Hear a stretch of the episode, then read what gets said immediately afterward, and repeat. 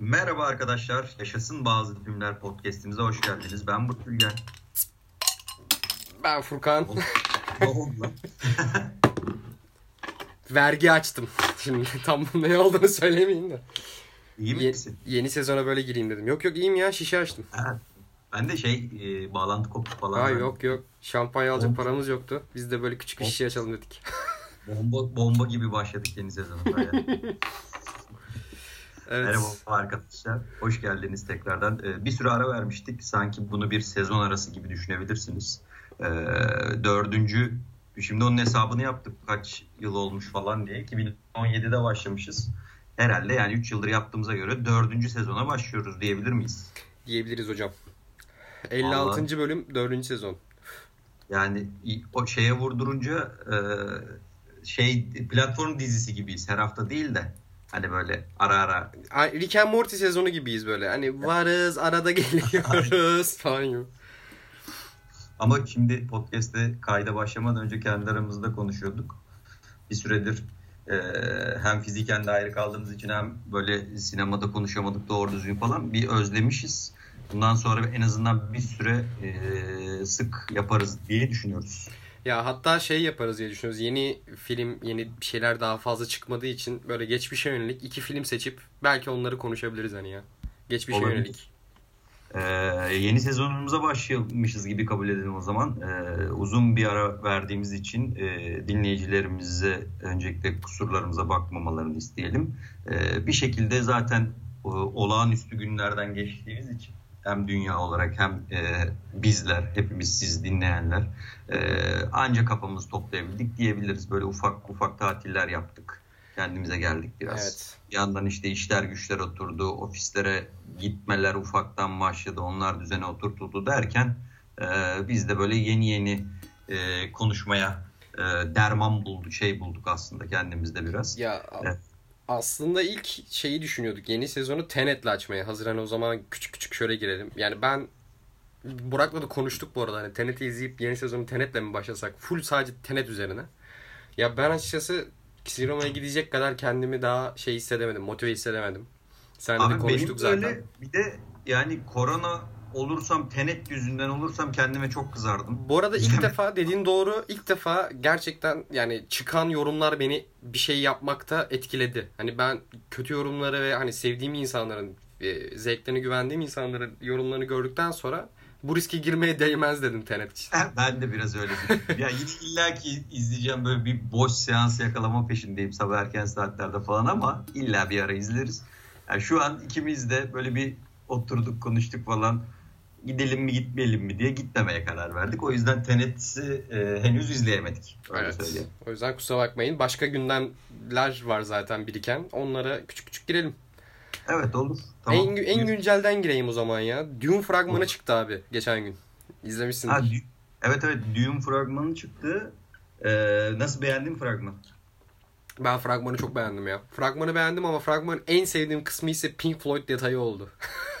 Evet evet Pink Floyd cover'ıyla bir e, şey yapmışlar arka planda. Ee, benim ben de şöyle ben beğendim ama benim Dune'dan beklentim açıkçası çok yüksek değil kendi adıma. Ee, halbuki şeyi e, ne denir ona? Aslında Dune'u çok severim abi kitap serisini. Aslında bir o yüzden çok beklentimi yüksek tutmak istemiyorum. Ee, olabilir abi güzel de çıkabilir. Ama sanki böyle birazcık hayal kırıklığına uğrayacakmışım gibi hissediyor. O da Dune'u çok sevmemle alakalı. Ya- Yoksa fragmanda ben de e, kötü bir şey almadım abi. Ya aman yapamamışlar gibi değil. Hatta tam aksine böyle biraz umutlandırıcı.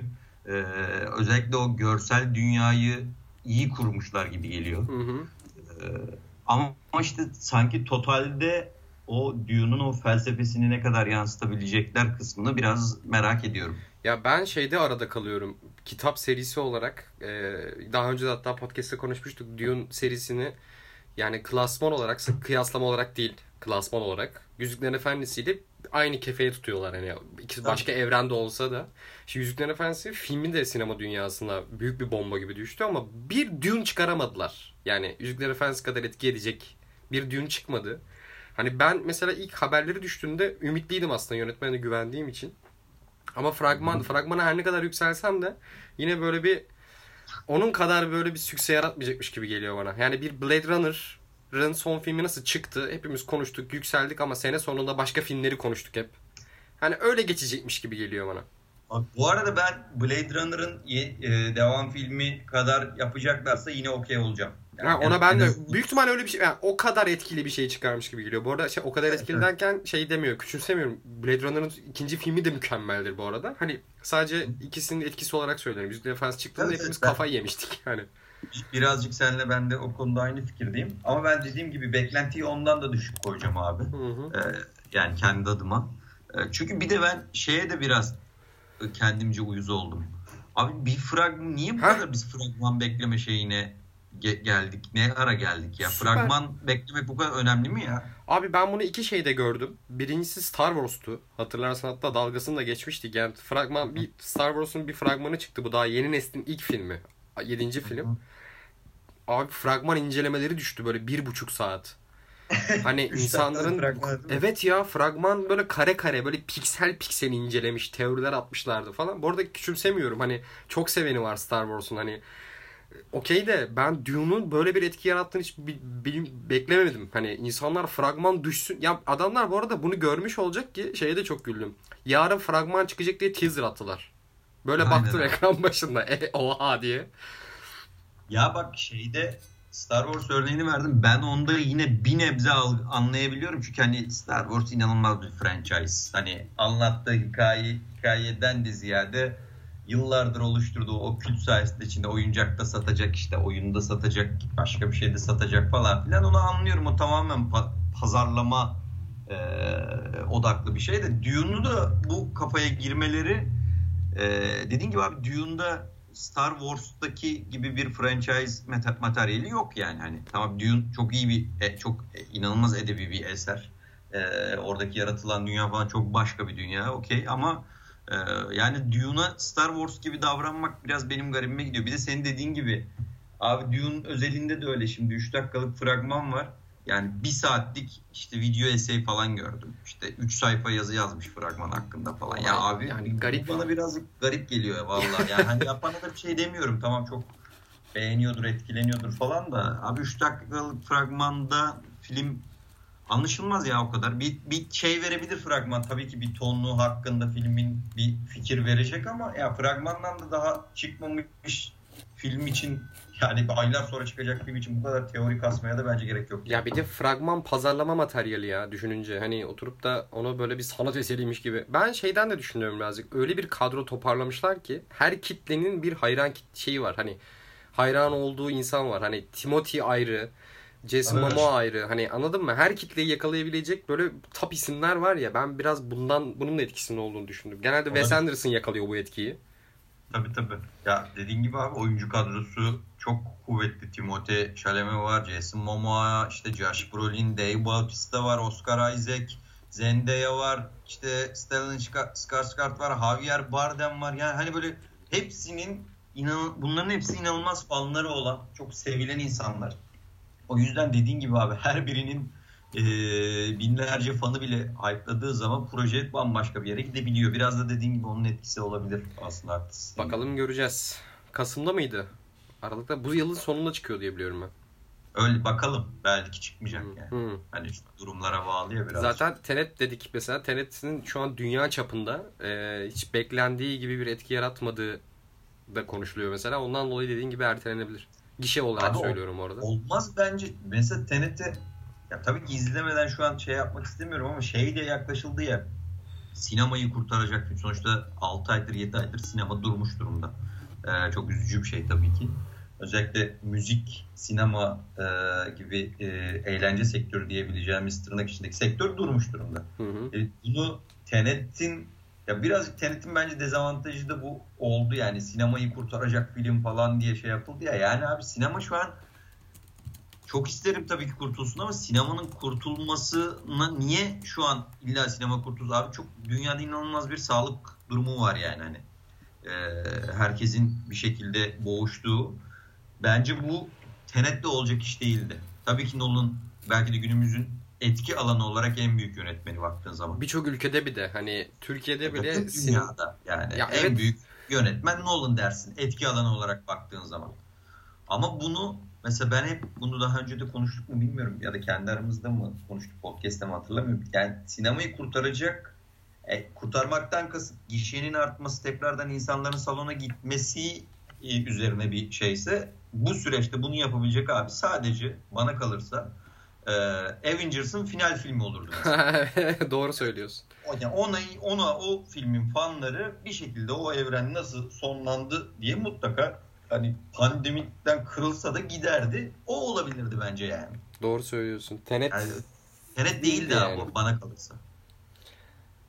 Neyse göreceğiz. Ben yakın zamanda onun bir dijital platforma satılıp hani başka bir denklemle karşımıza çıkacağını düşünüyorum bu arada.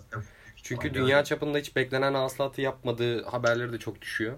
Bakalım göreceğiz. Normal abi bir de bu filmin iyiliğinden kötülüğünden de, de bağımsız bir durum ya şu an. Yani Tenet muhteşem bir film olsa da yapmayacaktı abi şu an o hasılatı. Evet. O zaman bir sonraki gündemi şöyle bir bağlıyorum. Madem sinemaya gitmedik, evdeyiz. Allah aşkına bir şey soracağım. Masterchef izliyor musun? Abi şöyle ilginç bir şekilde ben izlemedim. Yani arada sadece nesil bakarken denk geldim. Yani net izlediğim bir bölüm baştan aşağı izledim dersem yalan olur. Ama son 1-2 haftadır yani işte senden, işte Ali Ercivan'dan Abi falan, evet. daha, daha başka böyle sevdiğim, saydığım arkadaşlarım birden abi e, Masterchef batağına düştü ilginç bir şekilde. O yüzden aslında biraz merak etmeye başladım. Yani hani ama hala denk getirip izleyemedim ama anladığım kadarıyla şöyle ilginç bir şey ortam olmuş. Sen şimdi daha detaylı anlatırsın da galiba yine böyle toksik 3-4 erkek var. Öyle oldu. Ya, muhabbet dönüyor falan. Bak Değil mi? işte şu anki haline denk gelsen belki sen o batağa düşemeyebilirsin. Ya şimdi Ali Ercan'da hiç konuşamadım hani ner- nerede düştü o batağa diye. Biz şeyde düştük daha başında hani bu gruplar daha kurulmadan önce arkada ses olsun diye Bahar'la beraber yemek yerken açıyorduk. Tam yemek saatine denk geliyordu abi. Ulan açtık. Şöyle bir bölüme denk geldik. Sıfır kavga, sıfır polemik ve oradaki bütün gençler abi böyle adını sanını duymadığın acayip yemekler yaptı. Ben döndüm şey dedim hatta Bahar'la birbirimize baktık. Oha bu program böyle bir şey mi dönüşmüştü diye. Hani kaliteli gözüküyordu tamam mı? Ondan sonra oturduk, izledik. Hadi ertesi gün de denk geldik falan derken hep yemeğe denk gelince. Sonra o gruplaşmalar oldu falan. Oğlum bir sardı dizi gibi.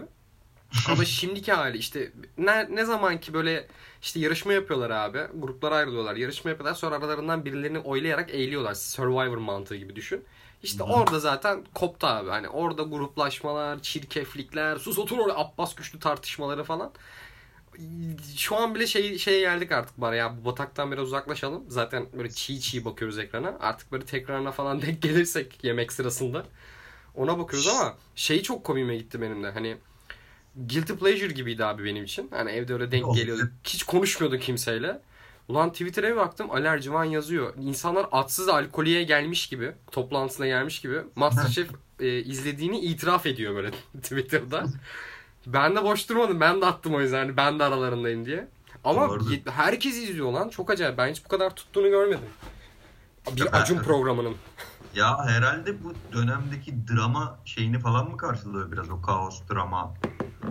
Bilmiyorum şimdi çok da izlemediğim için bir fikrim yok ama e, şey ben konsepte de çok hakim değilim. Mesela şöyle herkes bir yemek yapıyor en kötü yemeği yapan eleniyor falan gibi mi oluyor? Ya şöyle 3 tane şef var ya abi. Onların genelde kendi yaptıkları yemekleri böyle yarışma şeklinde yapıyorlar. Ya da bir konsept atıyorlar işte. Esnaf yemekleri, İtalyan yemekleri, işte uzak doğu falan gibi. Gruplar halinde yemekleri yapıyorlar. İşte hangi grup daha iyi yaptı diye puanlanıyor. İşte beceremeyen pu- şey takım ayrı bir yarışmaya alınıyor. Onlar kendi aralarında elemeye gidiyorlar falan. Biraz böyle böyle. Ya elemeyi diğer takım arkadaşlarım yapıyor mesela. Aynen. Sonra işte Ha. yenilen takım bir daha yemek yapıyor. Onların arasından birinci gelen böyle dokunulmaz oluyor. Birini seçiyor, elemeye gönderiyor falan. Böyle hani biraz uzun uzadıya yapmışlar. Ya bir kişinin Anladım. o gruptan ayrılması iki hafta sürüyor. Öyle diyeyim sana. Ha, anladım.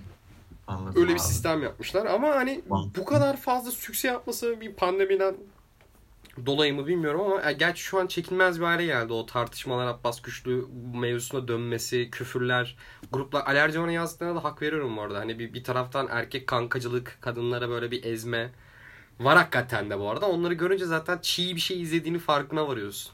Ben de ona üzülüyorum lan bu böyle değildi diyordum. Şimdi yavaş yavaş o bataktan uzaklaştık biz de işte. Ama herkesin Doğrudur bu kadar izlemesi acayip geldi bana. Hiç ben şeyi merak ediyorum. Mesela yemek yapanlar gerçekten iyi yemek yapabiliyor mu abi? Yapanlar var abi. Biz zaten mesela ilk izlediğimiz bölümde böyle çocuklar bir yemek çıkardı. Böyle ekran başına kaldık. Güzel yapanlar var böyle. Hepsinin kendi kendine has mesela yetenekleri var. Biri çok iyi tatlı yapabiliyor. Biri çok iyi ana yemek yapabiliyor. Biri böyle ara sıcağı çok iyi yapabiliyor gibi. Yani, Yani şey böyle- gibi değil mesela ben doğru düzgün yemek yapmayı bilmiyorum. Ben katılamam mesela yarışmaya değil mi? Hı. Anladığım kadarıyla. Katılabilirsin. Kendi şey mesela at yetiştiren neydi? At yetiştiriciliğiyle uğraşan bir kız vardı mesela. Hani ilgi alanı sadece şef olanlar girmiyor. Şef eğitim alanlar çok var. Hani 20 kişi varsa 17'si zaten Hı hı. şef eğitimi almış bir yerlerde çalışan çocuklar. Arada böyle başka meslek gruplarından ama buna ilgi gösteren insanlar da var. Ya da böyle kurs almış bilmem ne yapmış. Yani yine çıkan yemek aslında bir, bir derece profesyonele yakın diyeyim ben sana. Hani öyle yapamayan etmeyen değil. Var Anladım. tabi aralarında da hani yine de o en azından işin sadece yemek için izlersen bir şeyler çıkıyor ortaya. Öyle diyeyim. Anladım. Sen biraz daha izle bakalım. Şey, Yok, yok. e, biraz toparlarsa başlayayım bari ben. Yok abi en son ekran başında böyle sinirlenip şuna çok haksızlık ediyorlar. Seni sinsi pezemek falan gibi böyle ekrana karşı konuştuğumu görünce ben dedim bundan uzaklaşmam lazım. o yüzden biraz kaçınıyor. Kaçtık abi. Biraz uzak. Evet. Okey. Bunu da geçiyorum. Festivallerin birleşmesi. Adana Fes- Adana Ayvalık festivallerin online olarak İstanbul Film Festivali üzerinden gösterim yapması. Evet bunu Birbirimize biraz bu. bir hani duyuralım gibi din, dinleyici dostlarımıza. Ee, dolayısıyla bu tüm bu dönemde e, festivallerde bir şekilde iptal oluyor ya da online'a dönüyor. Yani e, şey deneyimi e, çok fazla yaşanamadı festivallerde. E, hatta İstanbul Festival İstanbul Film Festivali'nde sadece e, yarışmadaki filmler açık hava gösterimi yapılabildi gibi oldu. Bu dönemde de e, şey e, Adana Film Festivali ve Ayvalık Film Festivali e, e, ve İstanbul Festivali, e, Film Festivali güzel bir karar alarak e, online olarak üçü de e, filmlerini izletebilecek. Bu bir duyu- duyuru gibi bahsedelim istedim ben bundan. yani. Var mı aklında? Ben takip Tarih için var sana bıraktım. ve Yani şu an net tarihini e, bakmam lazım detaylı ama şey e, İstanbul Fest, Film Festivali sayfasında zaten şey yapılıyor. E, oradan e, işte hatta bu aralar galiba satışa falan çıkmış olması lazım. Ya da çıkmış da olabilir. Ben ona bakayım ya. Benim gözümden kaçmış. İşte Masterchef izlersen böyle olur.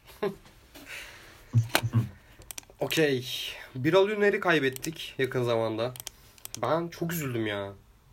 Yani Abi ben çok ben de çok üzüldüm ya. bir de hiç beklemiyordum ben. Hani hasta olduğunu bile bilmiyordum. Rahatsız olduğunu da bilmiyordum. Ben Yani- şaşırmadım canım. Şeylerini duymuştum ben. Hmm. Yaşam Zaten tarzını. yani zaten şey bir hayat yaşıyordu. Üzerine de birkaç yazı çıktı. Hatta alt yazıda çok güzel bir yazı vardı. Ee, okumayanlar varsa bir bakabilir. Alt yazının internet say- sayfasında. Abi zaten şey gibi bir yaşayan bir herifmiş ya bu. Yani o duvara karşıdaki e, rolü gibi yaşayan bir insanmış. Yani böyle çok farklı, çok e, hani o olur ya abi sistemi kabul etmeyip özgür ruhla yaşayan insanlar vardır ya ama bunu bir kısmı çok çiğ yapar ya da bir kısmı samimiyetle yapmaz. Bu, bu bir olunlar içinden gelerek gerçekten de böyle yaşayan bir insanmış. Çünkü ben şeyden de geçen birkaç anısını dinledim işte İstanbul Film Fest e, pardon Berlin Film Festivali'ne giden arkadaşlar falan şey diyor. Bir gün diyor benzinlikteyim diyor çat diyor yerde biri yatıyor bir baktım bir ölümler falan diyor mesela yani hani öyle çok e, bu tarz çok anısı varmış. E, hatta 3-4 yıl önce de kaldırımda sızmış halde e, işte fotoğrafları falan vardı hatırlarsın belki. Hı hı. Hatta işte e, sanatçı dostları sahip çıkmaya çalıştı falan diye ama zaten çok birileri sahip çıkmaya çalışsa da onun o hayatını tırnak içinde düzeltmeye çalışsa da bunu kabul etmiyormuş zaten. Ya da bir yere kadar şey yapıp sonra tekrar bu hayata e, dönüyormuş. E, ya bir, aslında birazcık hayatı da performans gibi yaşamış baktığın zaman. Bu arada ilk e, şeylerinde mesleğinin tiyatrocu uzun yıllar tiyatroculuk yapmış. O dönem mesela çok disiplinli bir oyuncuymuş. Ama tabii sonradan e, biraz daha o disiplini yaşadığı hayat sebebiyle e, ortadan kalkmış. Yani ben şeyden dolayı üzüldüm abi. Çok iyi oyuncuydu. Evet. Yani çok yetenekli bir oyuncuydu işte ya. O duvara karşı işte Fatih Akın'ın diğer filminde vardı işte Transilvanya filminde. Yani o kadar başarılı bir oyuncuydu ki ben şey oldum böyle. E, bir de yani bildiğimiz kadarıyla kendinden başka birine de zararı yoktu baktığın zaman aslında. Yani tamam çok serkeş bir hayat tarzı verilmiş ama yani o kendi kararı, kendi şeyi. Ben şey haberlerini falan bilmiyorum işte. Onu bunu öldürdü, saldırdı gibi şeylerini illaki yaşamıştır böyle şeyler ama yani o o hayatı kendi içinde yaşadığı için de çok şey oldum. Ee, ulan gerçekten de böyle yaşayan insanlar var bu hayatı seçen ve işte bunlar da öldüğü zaman insan üzülüyor. O yüzden ben bayağı üzüldüm. Bir de 3-4 ay önce falan olabilir ya da pandemiden 1-2 ay önce tam böyle duvara karşının işte bilmem kaçıncı yılı sebebiyle tekrardan bir gösterilmişti bu Kadıköy sinemasında falan. Hı hı, Başka Orada izlemiştim tekrardan te, filmi e, bir süre sonra. Film zaten çok güzel bir film hani duvara karşı. Bambaşka bir film. Orada tekrar sanki böyle onu yeni izleyince o filmi ulan daha dün görmüştüm öldü gibi bir e, hissiyata kapıldım. Bayağı üzüldüm. Abi ben tekrar izledim haberden sonra. Ee, zaten film çok beğen, zaten çok güzel bir film. Hani Fatih Akın hikayeye, yönetmenliğiyle 5 katına çıkardıysa Binon'dan Birol Ünel e, oyunculuğuyla abi 10 katına falan çıkartıyor. Yani Aynen. ve ben şeyde yani şöyle seviyordum. Ekrana herhangi bir filmde hani Fatih Akın filmlerinde ya da başka filmlerde gördüğümüzde abi adamın farklı bir aurası vardı. Hani farklı bir karizması var dersin ya. Ya böyle perdeye her girdiğinde böyle bir dikkat kesildiğim bir en şeyi var adamın. Çok da yetenekli bir insan. Ya zaten o o filmin dediğin gibi şeyini etkileyiciliğini en büyük arttıran sebepler zaten işte oyunculuklar bir yandan Hı-hı. da dediğin gibi çok iyi bir hikaye yönetmenliği, çok iyi Fatih Akın'ın filmin temposu, e, inanılmaz müzik kullanımının yanı sıra bir de Birol Üner'le e, Sibel Kekilli'nin aslında bir nebze kendi hayatlarının da oynaması var diyor filmde. Hı hı. O çok filmi yükseltiyordu dediğin gibi. Yani iş huzurlu yüzsün ne diyelim. En azından hayatının son döneminde bulamadığı huzuru bulmuştur inşallah. Umarım.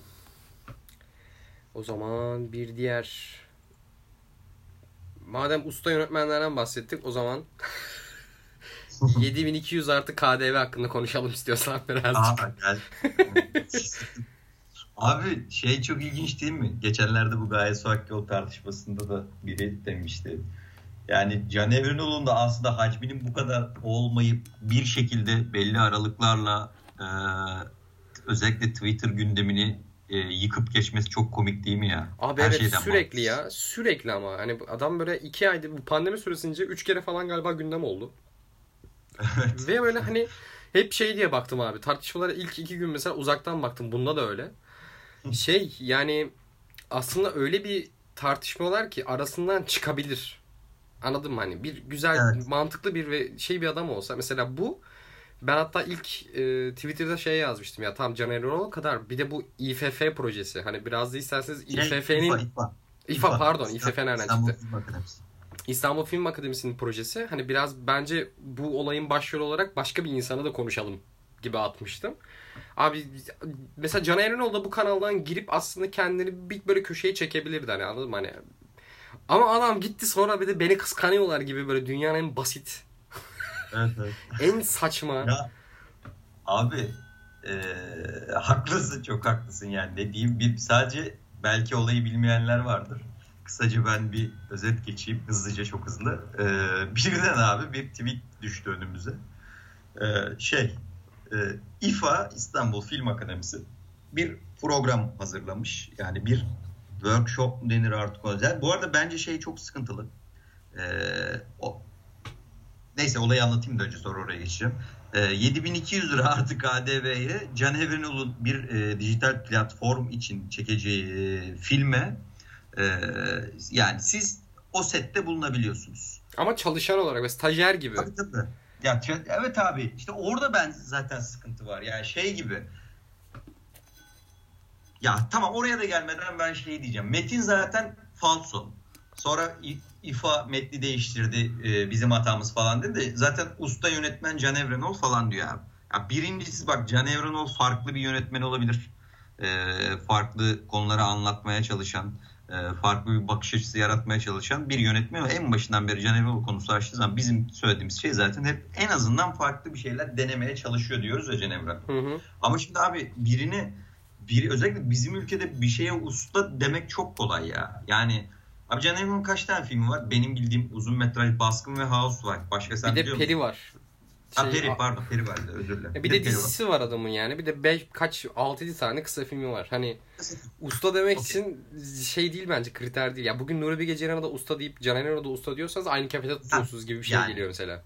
Abi bi- birincisi bak şeye daha girmiyor girmedim bu 7200 meselesine bu işin e, nasıl kurulduğuna falan girmeden birincisi metni yazarken bu adamın daha öncedeki bak bu çıplak dizisi meselesinde de e, şeydi işte Türkiye'nin en iddialı yapımı falan diye şey olmuştu ya. Ha en ces- Yani- neydi? Cesur Kadın Hikayesi. Ha, evet. Demek ki abi yani burada da usta yönetmen falan ya bunlar mesela bu Can Evrenol'dan bağımsız aslında dediğin gibi şeyler. Bu metni Can Evrenol yazmamıştır büyük ihtimalle. İFA yazmıştır bu metni. Hani e, o da ticari olarak Can birileri gelsin para kazanalım diye. Ya bir insan ama şey demiyor mu? Yani bak Can Evrenol'a usta yönetmen demeyelim. Yani yönet tabii ki yönetmen Can Evrenol de işte sıra dışı yönetmen de. Ya da işte Baskın'ın ya da Housewife'ın yönetmeni de. Hani genelde öyle Evet. anlatılır ya önceki yani- filmleri. Can Evrenol iyi bir yönetmen, kötü bir yönetmen olabilir. Bakış açısına göre bu değişir. Ben beğenmiyorum kendi adıma yönetmenliği. Ama yani usta yönetmen demek de abi ha, Peri- Baskın, Peri ve Housewife'la olmuyor. Yani birazcık da şey olmak lazım. Tamam okey anlıyorum ben. O, o- sen o programa bilet satmak istiyorsun belli ki. Sonuçta şey diye düşünüyorsun ya bu basın bülteni ne olacak falan diye de. Ya en azından bu işi yapıyorsan bence birazcık saygı duyup yani ya mesela Ezel Akay da var aynı mafya. Ezel Akay'a da görece denebilir. Mesela Ezel Akay'a kimse usta yönetmen Ezel Akay dedin diye sıkıntı çıkarmaz bence. Bu arada Ben- birkaç kişi ona da öyle söylemişti. Yani Ezel Akay'ın da usta olduğunu çok düşünmüyorum gibi falan demişti. Ben hani Ha, ben- hatta cevap ben- da verdim. Yuh diye yani. Ben de düşünmüyorum abi ama görece göz ardı edilebilir bu. Yani mesela işte neredesin Firuze'den tutarsın çok usta bir yönetmen diyebilirsin işte Hacivat Karagöz'den. Olabilir abi. Ama şimdi dediğim gibi Can Evrenol zaten e, tırnak içinde son 3-4 ayda çok antipatik olaylar yaşadı. E, en başta da senin dedi, senin dediğin gibi meseleler yüzünden. Belki tamamen e, nerede ne diyeceğini bilememesi üzerine tüm bu şeyleri harladı abi. Abi bak çıplak Sonra, sonra harladı söylediğiyle. ya çıplak tartışmasında şöyle diyebilirdi. Abi bu metni o da şey hani e, Cesur Kadın Hikayesi bülteni vardı ya. Bu bülteni ben yazmadım abi. Bu bülteni benim yayıncı Blue TV yazdı dese o olaydan sıyrılabilirdi. Bunda da Bir dediğin gibi mesele o tecavüz temalı yaptığı kısa film. Ya kardeşim 2013'te ben bu kadar bilinçli değildim. çocuktum ne ya? Gençtim ne abi? O zaman böyle bir şey yaptım. E şimdiki aklım olsa böyle yapmazdım. Tamam bunu dedi mesela birazcık. E abi sonra da artık tamam bırak bence bana kalırsa yani hani. Ondan sonrası artık şey laf yetiştirmeye, laf şey yapmaya geliyor. İşte burada da aynı şey oldu. Burada insanlar bir sürü şeye tutuldu. Usta yönetmen. Tam tutulma okey metin, metin öyle diyelim. Abi sence bunun dünyada da örnekleri varmış. Öyle e, şey yapılıyor, refere ediliyor. Dünyada da olan bir şey diye. Abi bence bu yanlış bir uygulama. Benim hayata bakış açım olarak. Ee, yani birinin Zeynep Dadağ'ın bir tweet'i vardı. Şeyin Can Evrenoğlu'nun tweetinin altında. O da yönetmen. O da çok iyi, iyi bir yönetmen. Yeni jenerasyon iyi yönetmenlerden biri. Diyor ki Can bence bunun hasetle falan bir alakası yok. Hani setimize gelmek isteyenlerden para alamayız. Nokta. Hem bir eğitimci olarak hem de bir yönetmen olarak ben böyle düşünüyorum. Ayrıca eleştiriyi, düşünceyi kıskançlık diye algılama falan filan. Bence bana kalırsa abi set işçilerinin bir sürü e, hakkının yendiği, set e, koşullarının e, düzeltilmesi için yıllardır bir sürü işte sendikalaşmanın olduğu, insanların sesini çıkarmaya çalıştığı bu kadar rezil bir sektörde çalışma koşulu ve hak e, kazanımı olarak bu kadar rezil bir sektörde abi sete birilerini workshop olarak mı artık bu bir proje olarak mı parasını alıp sette çalıştırmak bu bana garip geliyor abi açıkçası. Yani şöyle diyeyim ben sana abi. Bu olay daha Dünyada, özür dilerim çok özür dilerim. Dünyada örneği olabilir. Dünyadaki örneği de bence yanlış. Ya dünyadaki örneği de yani ben bu uygulamanın çok yanlış ya şöyle yanlış olduğunu düşünüyorum abi. Daha önce de yani ben biliyorsun ben işletme mezunu bir insanım. Daha önce çok fazla sinema okumak istedim. Şu yüzden anlatıyorum sana. Çok yere başvurdum abi. Böyle kurslar her zaman vardır. Böyle şeyler her zaman vardır. Çoğunda ya sonunda böyle bir sertifika alırsın ya da böyle bir hep bu tarz projelerin sonunda sana böyle bir kanal olacakmış gibi hissedersin. Ama bunlar o kadar ateş pahasıdır ki. Daha önce ben Der yanlış hatırlamıyorsam Derviş Saim'in de vardı. Ee, ay adı gelmedi aklıma. Çağan da vardı yanlış hatırlamıyorsam. Ama onlar da mesela ateş pahası. Dönemine göre 4000 5000 falan diye hatırlıyorum ben. Yani bunlar aslında zaten vardı. Ama senin dediğin gibi zaten şartlar hani Türkiye'nin şartları zaten ekonomik olarak giderek her gün biraz daha aşağı iniyorken senin çıkıp bir de 7200 bir de daha komik artı KDV ne abi? Hani bu par bu ne bu nasıl bir para? Ben şey dedim ya oğlum bu paraya biraz daha sık dişini üstüne 2000 daha koy kısa film çek daha büyük şansın var bence. Hani o adamın setine gitmektense. Biri şeyi tweet atmış onu çok güldüm. Nasıl ya 7200 vereceğim bir de gidip orada kablo mu taşıyacağım ben? Hani çünkü evet, stajyer yani, dediler ya bir de oraya yani. evet sonra düzelttiler onu stajyer değildi. Metin yanlış falan diye. Ya Metin, Metin zaten falso abi. Metin zaten geçtim bak dediğim gibi. Metne demek ki bir insanda ya biz yanlış anlaşılırız bu çok saçma dememiş. Okey onu geçiyorum.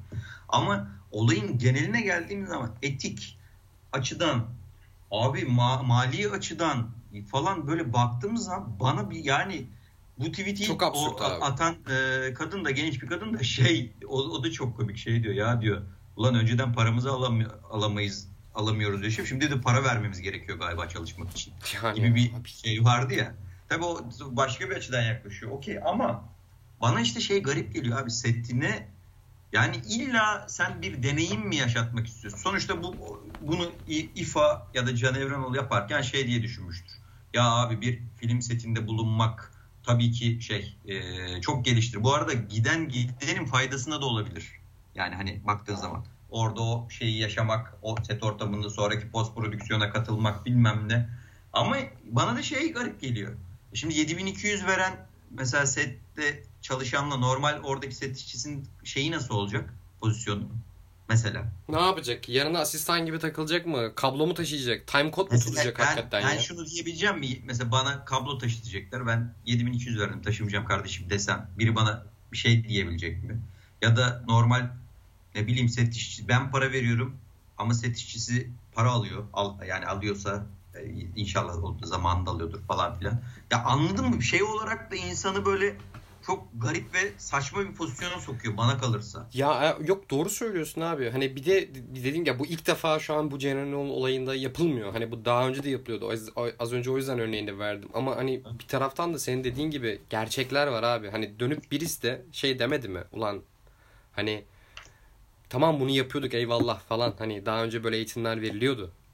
E, isim yapmış yönetmenlerle ya da senaristlerle bir şeylerle.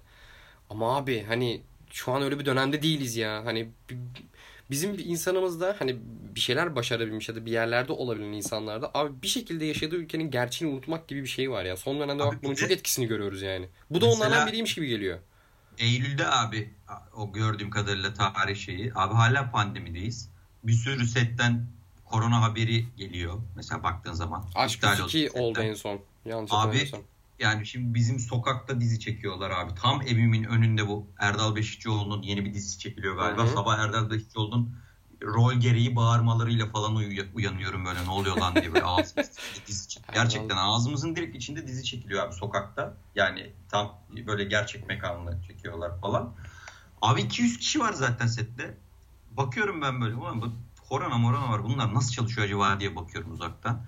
Şimdi bir de bu dönemde zaten sen set riskliyken yani bir de 5 kişi ekstradan 5 kişiye gerek var mı ya seti kalabalıklaştırmaya?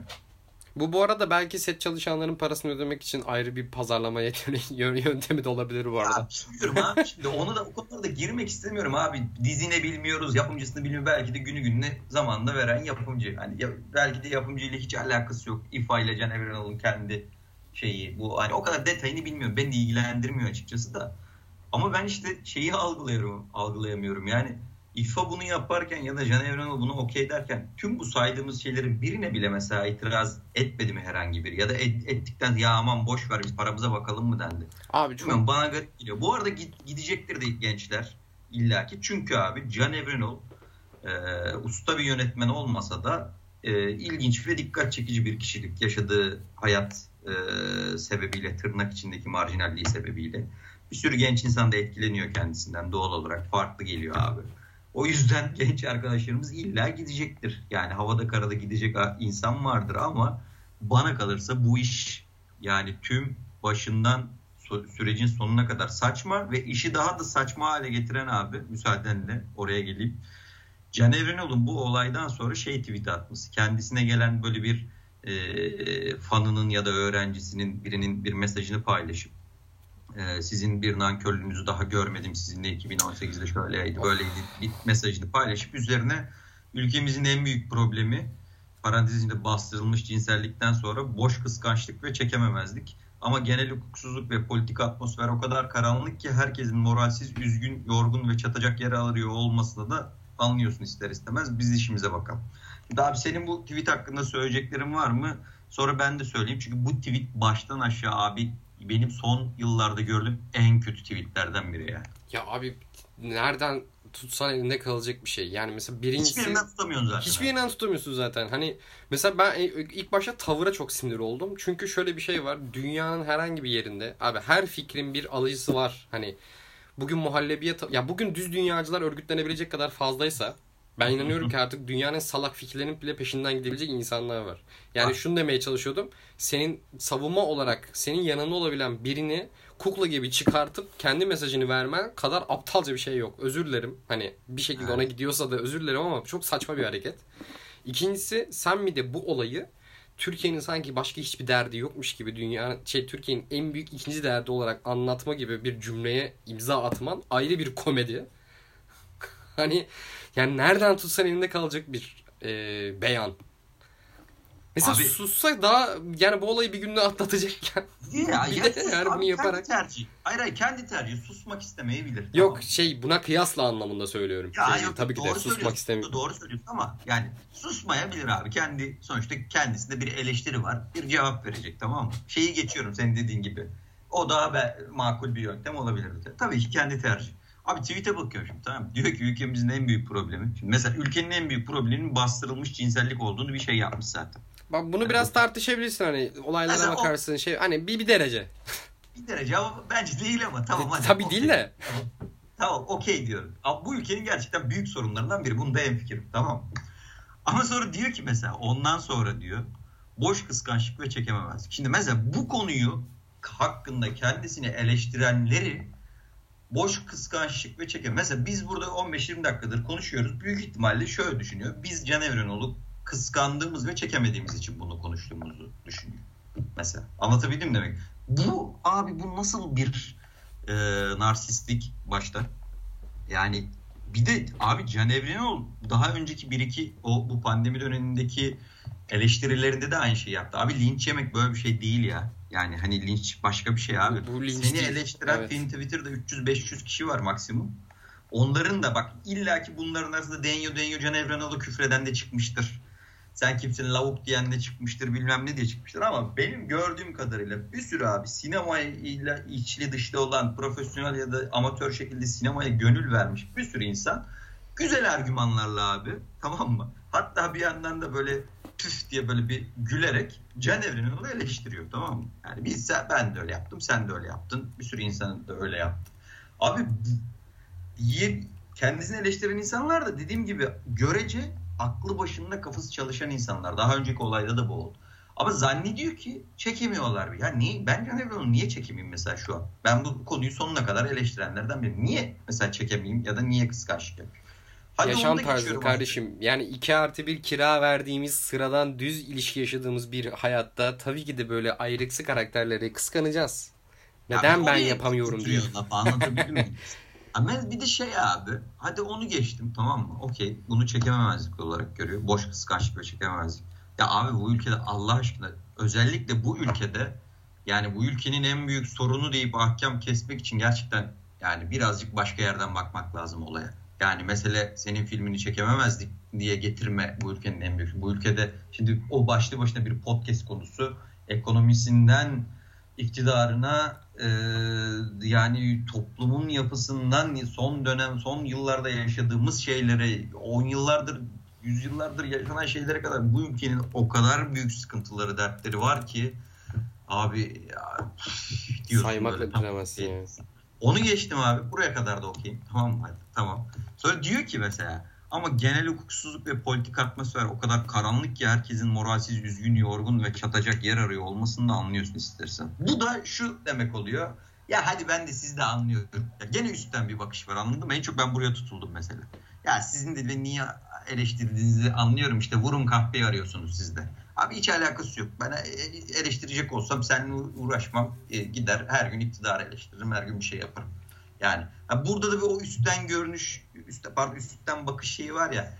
Ya işte sizin de moraliniz bozuk, sizi de anlıyorum. Biz işimize bakalım. Ya abi tweet'in hiçbir yerinden ben tutamıyorum.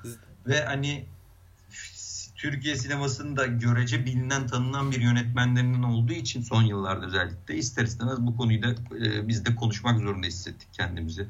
Yoksa abi isterse 7200 artı KDV yapsın, ister 20 bin yapsın, gelen gelsin, giden gitsin. Ama Can Evren'in abi son 3-4 olayda böyle verdiği cevaplarla durduğu yerle falan iyice abi zaten bence e, tırnak içinde e, iyi bir yönetmen değildi. Garip de bir insan olduğunu abi göstermeye başladı. Bence e, çok garip işler yapıyor. Yani bir 7200 artı KDV söz konusu artı KDV varsa bir fatura da kesilmek zorundadır. Sen yani çok takılıyorsun. abi şundan dolayı yani şunu düşünüyorum. Şimdi olayın diğer tarafına bakıyorum. Ben çok sinemayı çok seven birisiyim. Evet bu benim için bir fırsat olabilir. Çok bok gibi param var böyle. Hani 7200 benim için çıkıp da Taksim'de harcadığım para gibi. Hani öyle bir zenginim. Yani 7200 vereceğim. Artık KDV varsa fatura alacağım. Yani gidip de fatura aldığım bir şeyden sinema üzerine nasıl bir kariyer kurabilirim? Yani Allah aşkına yani arkadaşlar düşünen arkadaşlar varsa önce bunu bir düşünsün. Hani bana garip geliyor ya. Ama Hani çok saçma yani de- kurguyu düşününce çok komik geliyor yani. Ben de müzik yapım şirketinde çalışıyorum abi. 3200'e bir hafta yalandan sanatçılarla toplantılara falan sokabilirim insanları artık KDV isteyen varsa. Artık KDV yapma ya fatura kesme abi. Sen şey, Tamam, el altından al abi. KDV aldım. Keş Hadi para. KDV almıyorum. tamam KDV'yi de almıyorum. Zaten her şey vergi oğlum. Bırak KDV alma insanlardan ama. Tamam okey. Velhasıl bu konuda böyleydi. Yani ilginç bir şekilde büyük ihtimalle 2-3 ay sonra bir daha Can Evren'le konuşuruz. Başka bir Şey eğlenceli oluyor Can Evren'le konuşmak. Şu an zaten- Mesela şey yapmıyor ben. Şey tweet falan atıyor arada ya da Instagram'da falan. Artık o da dalga geçmeye başladı. En azından o da bir şey mesela.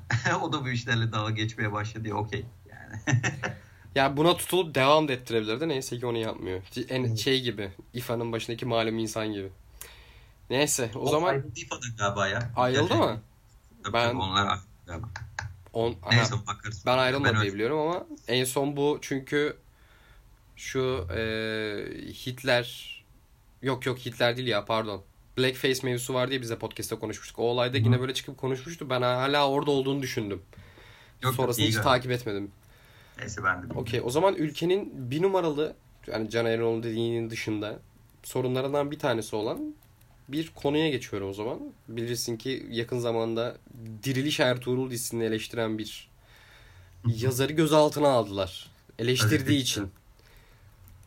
Aynen abi. Bu arada ben şeyi haberin içeriğine de baktım. Bana şey çok komik geldi. Ee, ya bunun zaten bu olayı zaten tartışacak bir milyon çerçeve var. Hani bu işi politik olarak bakarsınız, sosyolojik olarak bakarsınız ama haberin içeriğinde şu da vardı. Ee, Türk kültürünün mirası olan Ertuğrul, Ga- Ertuğrul Gazi hakaret olarak yani böyle yazılmış. Kişinin, kişinin hatırasına hakaret etmek. Ki- evet abi. Yani şimdi şey diyorsun lan lan bu bir belgesel değil bu bir tarihi gerçek bir şey değil. Yani bu bir bir üretim bir eser bu. Yani bunu eleştirmek herkesin hakkı. Yani çok komik. Ya bir de ben burada şeyi çok sinirleniyorum abi. Sö- soru topu sana bırakacağım. Daha önceki podcastlerde de hep böyle e, arada yani politika konuştukça hep o tarafları değiniyoruz. Abi yıllar boyunca yani sen 20 yılla artık neredeyse dayandın kendi cenahında elle tutulur hiçbir şey üretmeyip yani hiçbir şey üretmeyip ürettiğin bu küçük şeyleri de artık zorla kabul ettirecek evreye gelmişsin. Ben buradan bunu anladım mesela. Yani gerçekten iyi elle tutulur bir şey yapamadığı, tek çıkarabildiğin yani kendi tarafına çekebildiği bir Semih Kaplanoğlu olayı oldu. Gördük onu da zaten nasıl olduğunu. Abi sen hiçbir şey üretmiyorsun. Ürettiğin şey de belli. O da zaten belli bir yere hitap ediyor. Yani ne kadar doğru yaptığını bak tartışmıyorum bile bu arada. Hani Hı hı. Ee, ama senin bunu eleştiren insana gözaltına alman demek artık bunu böyle zorla kabul ettirmen anlamına da geliyor bir anlamda. Tabii de başka anlamlara da geliyor. Yani ya ben en çok buna sinirlendim mesela. Ya tabii öyle ben. Şimdi Oktay Candemir diye bir gazeteci. Bir tweet atıyor abi. Diyor Sen ki, devam et geliyorum ben abi. Diriliş Ertuğrul ve Kuruluş Osman'dan sonra şimdi de TRT'de Uyanış Selçuklu başlıyor. Sırada Bayılış Yavuz, Ayılış Fatih, Yatış Kanuni, Kalkış 4. Murat, Sızlayış Abdülhamit, Yalvarış Vahdettin var diye. Ee, kendince bir ironi yaptığı e, bir tweet atıyor Diriliş Ertuğrul'la alakalı. Ee, bunun üzerine e, önce bir baskı görüyor bir süre haber üzerine. Bir, e, bir, süre üzerine oynanıyor falan. Daha sonra da bir sabaha karşı e, sabah saatlerinde evine polislerin yaptığı baskınla gözaltına alınıyor Van'da. E, Ertuğrul Gazi'nin anısına hakaret ettiği iddiasıyla da işte TCK 130. madde kapsamında suçlanıyor. E, burada Furkan'ın dediklerine katılmakla beraber işte tabii bir de politik boyutu var. E, Oktay Candemir e, Dicle Haber Ajansı'nda e, muhabirlik yapan bir gazeteci. E, dolayısıyla bu bulunduğu o, politik konumla da alakalı hem Oktay Candemir'in üzerine e, e, baskı kurabilmek için bir bahane bu tweet baktığın zaman bir de e, Türkiye tarihinde ilk defa e, birinin anısına hakaret ettiği şeyle TCK 133 kapsamında bir gazeteci ilk kez böyle bir iddia ile gözaltına alıyor, yargılanıyor. Ya bu çok çok korkunç bir şey zaten. Bir yandan da tehlikeli bir şey. Yarın bir gün e, bu işin şeyi yok. E, şeye kadar gidebilir. İnsanlar hani e, kurul işte bu Ertuğrul Gazi bilmem ne dizisi izlerken e, Twitter'da e, videolar paylaşıyordu. Kılıçla izleyenler bilmem neler. Yarın bir gün onlar onları tiye aldığın için de bu iş gözaltına gidebilir. Aslında iktidar e, kendi kültürel alanını, kendi tarihini yaratmaya çalışırken bir süredir e, dolayısıyla yaratamıyor da dediğin gibi. Çok kısıtlı e, algısı olduğu için bunu bunu yapmaya çalışırken. Propagandadan öteye Olsun. gidemiyor hiçbiri. Ya ortaya ortaya affedersin bok gibi işler çıkıyor baktığın zaman. İşte insanlar da bunu eleştirdiği zaman bunu dalga geçtiği zaman e şimdi iş yani bu iş umarım daha da kötü yerlere gitmez diyeceğim de gidecek önünde sonunda. Oraya doğru gidiyoruz. Yarın bir gün tamamen e, iktidar güdümlü bir filmi eleştirdiğinde belki insanlar hapis cezası alacak yani hani o yüzden bu o kadar boktan bir yere gidiyor ki bu iş çok da konuşmanın da üzüldüğümemiz dışında da çok da konuşacak bir şeyimiz yok açıkçası yani. Yani eğlence sektöründen yani şöyle bir şey diyeceğim abi. Eğlence sektöründen herhangi bir şey bu arada. Hani film, sinema, tiyatro hepsini kapsayacak bir şey. Yani eğlence sektöründen kazanabilecek parayı neyse ki çok fazla bilmiyor iktidar diye düşünüyorum. Çünkü şunu söyleyecektim. Bundan kaç sene önceydi ya? 5-7 senesi falan vardır herhalde. Bir Fatih filmi çıktı 1453 hatırlarsın. Hı hı. O bilgiyle o film bugün çıksa olumsuz eleştiri yapan herkesi içeri atabilecek gücü var. Yani bu olay bana bunun da olabileceğini gösteriyor. Bu anlamda çok büyük bir korkutuculuğa sahip mesela bu. Tabii Yani- canım onu diyorum ya belki abartı geliyor ama yarın bir gün film eleştirisi yüzünden belki de sinema yazarı bir sinema yazarı hapse atılacak abi. Oraya doğru gidiyor yani. Yani bir de bundan sonra çıkacak Semih Kaplanoğlu filmi tarihi bir film olursa sen o zaman gör şovu. Neyse çok yani giderek karanlığa sürükleniyormuşuz gibi geliyor. Yani bunu böyle günlemin arasında yazarken çok sinirim bozuluyor.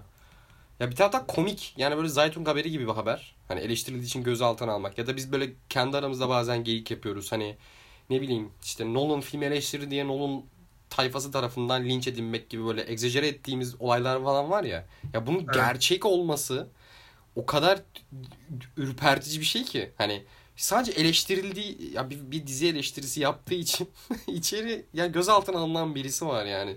Bunu nerede söylesen çok komik sayılabilecek bir şey bizim için çok korkutucu bir gerçeğe dönüşüyor ya.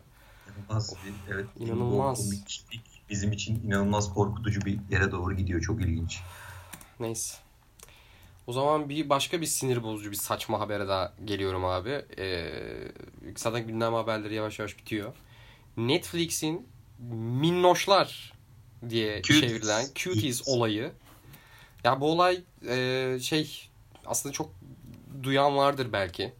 duymayanlar için şöyle özetleyeyim. E, Cuties diye bir film yapılıyor. Bu filmin bu filmde e, Müslüman bir ailede yetişmiş küçük bir kız çocuğu var.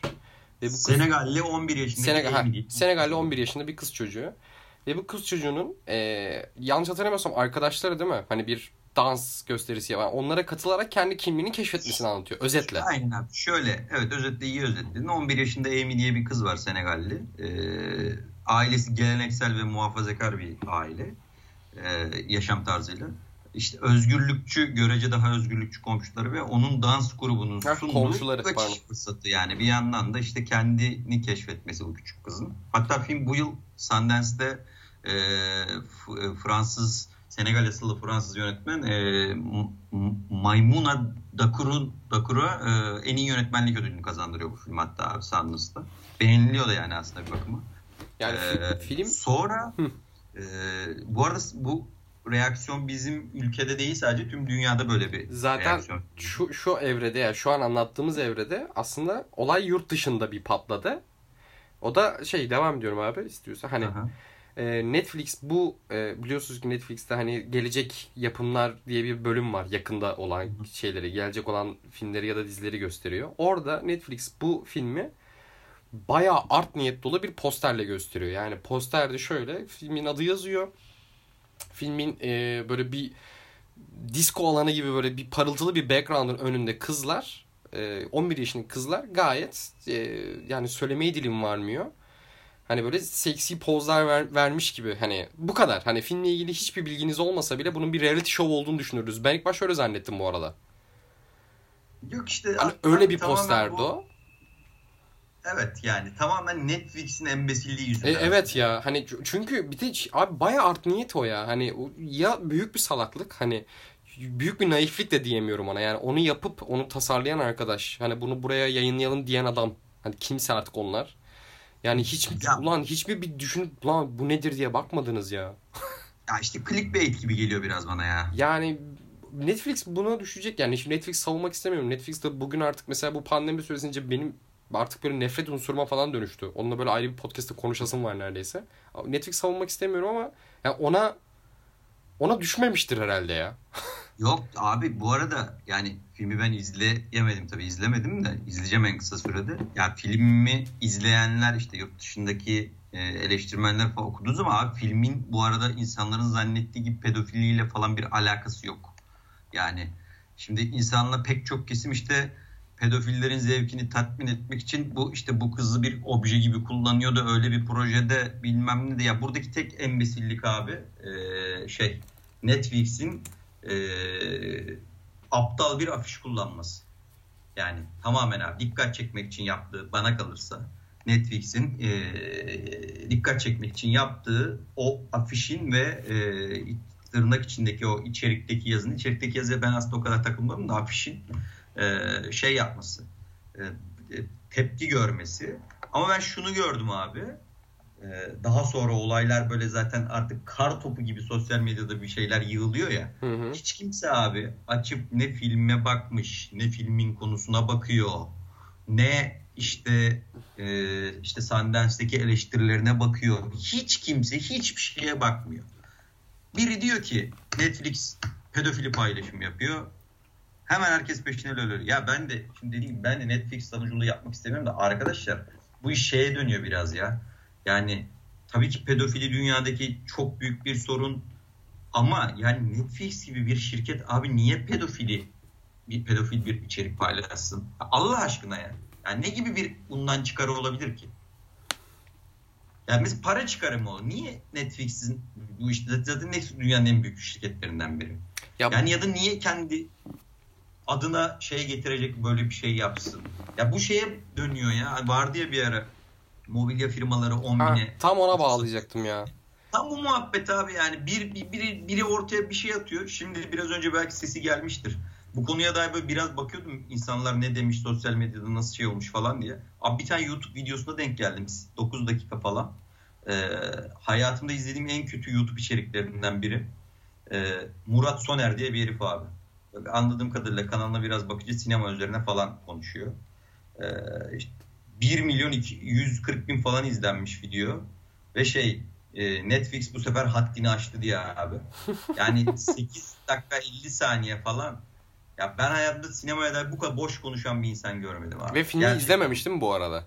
Yani yok abi filmi izlediği falan da yok ya. Sırf işte tık alabilmek için şeyi izlene e, videosunu izletebilmek için yani bir de sonradan katalogdan çıkınca şükretmiş falan filan bilmem ne. Abi Allah aşkına bak yani bu eleştiri yapacaksan e, yapabilirsin. E, filmin içinde pedofili unsur da belki bu kendince görmüş olabilir. Şey abi, abi önce bir filmi izle. Yani ya da işte zaten filmi izledikten sonra onca eleştirilerin üzerine sen böyle bir clickbait video yapıyorsan sen de Netflix'in yaptığı aynı şeyi yapıyorsun. İşte sen de bir clickbait peşindesin.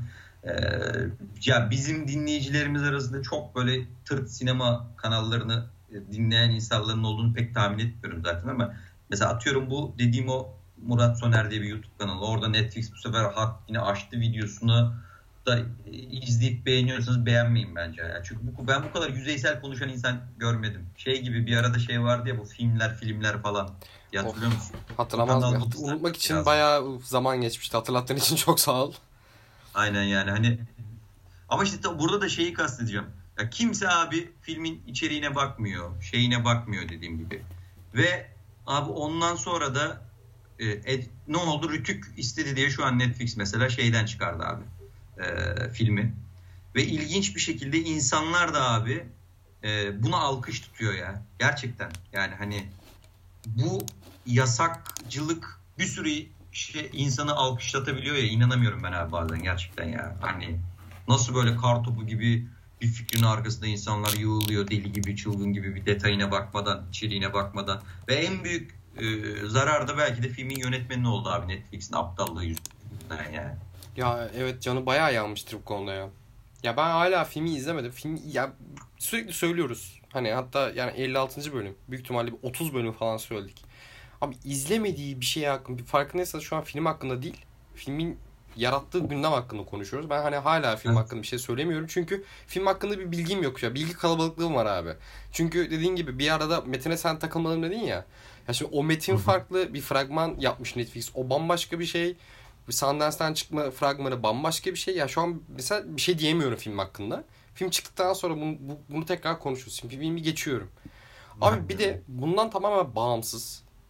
Yani bir şey söylemek istiyorum.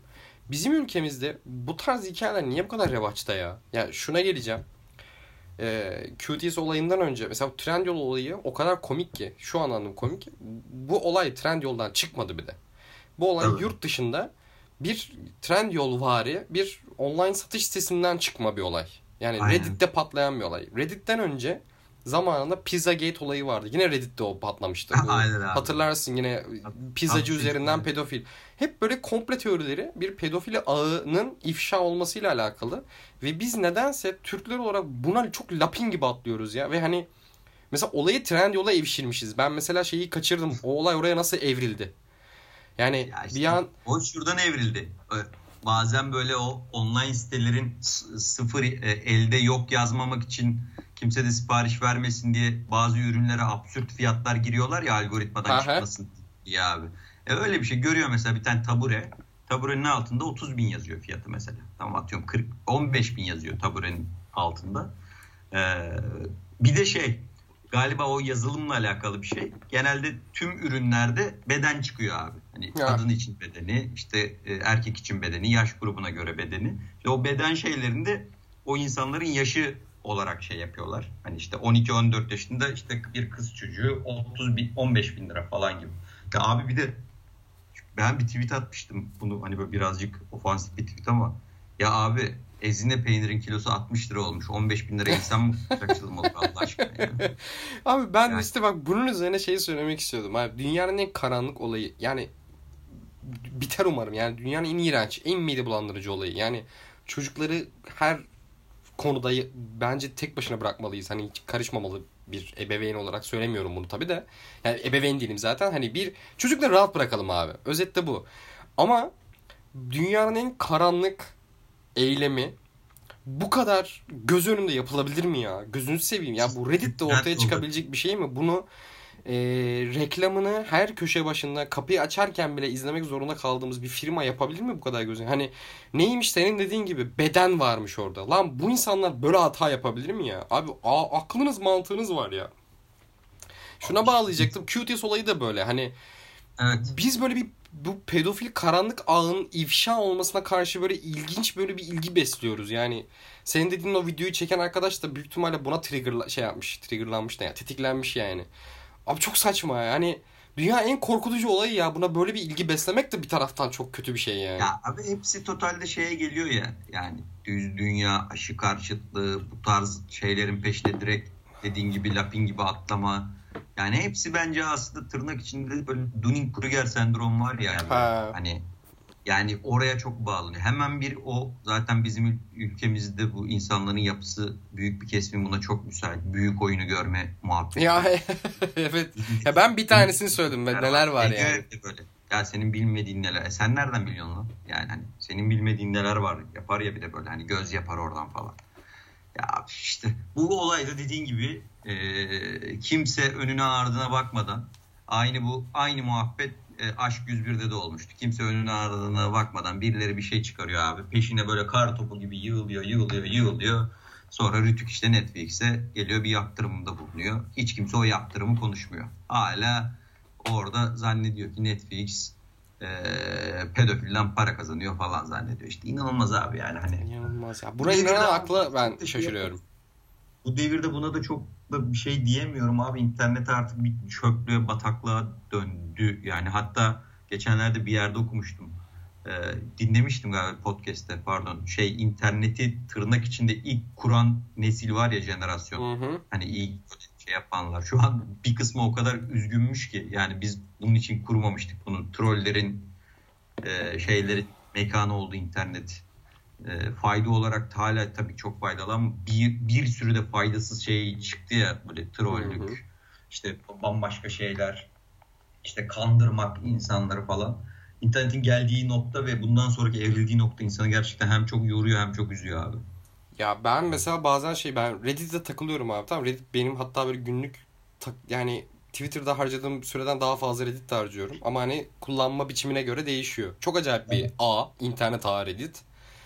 Sadece şunu söylüyorum. Reddit gibi bir büyük bir ağ Türkiye'de olsa hani ekşi sözlük bu arada halt yemiş onun yanında. Biz her gün abi bırak yani gün- kafamızı kaldırıp gündem ve politika konuşacak zaman bulamazdık. Öyle diyeyim sana. Öyle şeyler dönüyor orada. Hani? Neyse ki yok. Ya ben çok severim bu arada şeyleri. Hani komple teorileri takip etmeyi bilmem ne yapmayı. En çok sevdiğim taraf da komple teorisinin ortaya çıkış kanıtları. Ya mesela hani bu şeye de baktım. Bu dolaptan çocuk satıyorlar abi falan dediği şey var ya. Bana hep şey çok komik geliyor. Yani bunu düşünmemiş olabilirler mi filtresi var abi bende. Bu şey gibi düşün işte. Ay'a çıkmadılar çünkü bayrak sallanmıyor orada. Gördünüz mü? Ulan bunu düşünmemiş olabilirler mi? Allah belanızı vermesin. Gibi. Yani neyse ki dediğim gibi Reddit Türkiye'de yok. Ama bir taraftan da senin söylediğin az önceki bu internet ilk kuran insanlara sormuşlar ya. Sedat Kapanoğlu'na sordular mı acaba? Ee, Ekşi Sözlüğün ilk zamanlarıyla şimdiki troll e, üretim Var var. İstihdamı. Şeyde bir galiba bu e, İmanuel Tolstoyevski'nin bir podcast'ı var. Fularsız entellikle denk Aha, gelmiştir biliyorum biliyorum. Orada SSG'yi konuk aldığı bir podcast var. Geçenlerde ben dinlemiştim. Yarısına kadar dinledim. Büyük ihtimalle dediğin şeyi konuşuyorlardır. Ciddiyim ben çok merak ediyorum. Şu anki halinden memnun mu? Hani ben çünkü hatırlıyorum hani ekşi sözlük insanlar CV'sine yazardı yazar olduğun zaman. Şimdi dünyanın ya böyle bayağı Türkiye troll rezervinin %80'ini falan karşılıyor yani. Böyle bir yere dönüştü. Evet, ben çok Neyse. konuşmak istemiyorum. Evet ben de başka uz uzar yani. Şimdi e, gündemden sonra film Ha, bir de şey var Hı. bu arada. Asıl ve belki de tüm bu e, tırnak içinde konuştuğumuz şeylerden bir tık daha önemli ve etki alanından yüksek diyebileceğimiz Berlinale ve üzerine hemen Aa, Oscar'ın evet. aldığı kararlar var. Aa evet. Doğru diyorsun. Onlardan belki biraz Oha ben bunu nasıl sildim lan Word'de? Önümde şu an notlar var. Silmişim. Ya çok böyle bölük bölçük çok bir sürü şeyden konuştuk ya o yüzden aklından çıkmış Doğru, doğru. olabilir. Yan sesiymiş. Ee, Berlinale önce bir karar aldı. Ee, bilmeyenler varsa şöyle en iyi erkek oyuncu en iyi kadın oyuncu e, şeyini e, oyunculardan e, dallarını ortadan kaldırdı. En iyi oyuncu Tek yaptı. pota içerisinde ikisini birden ele almaya başladı.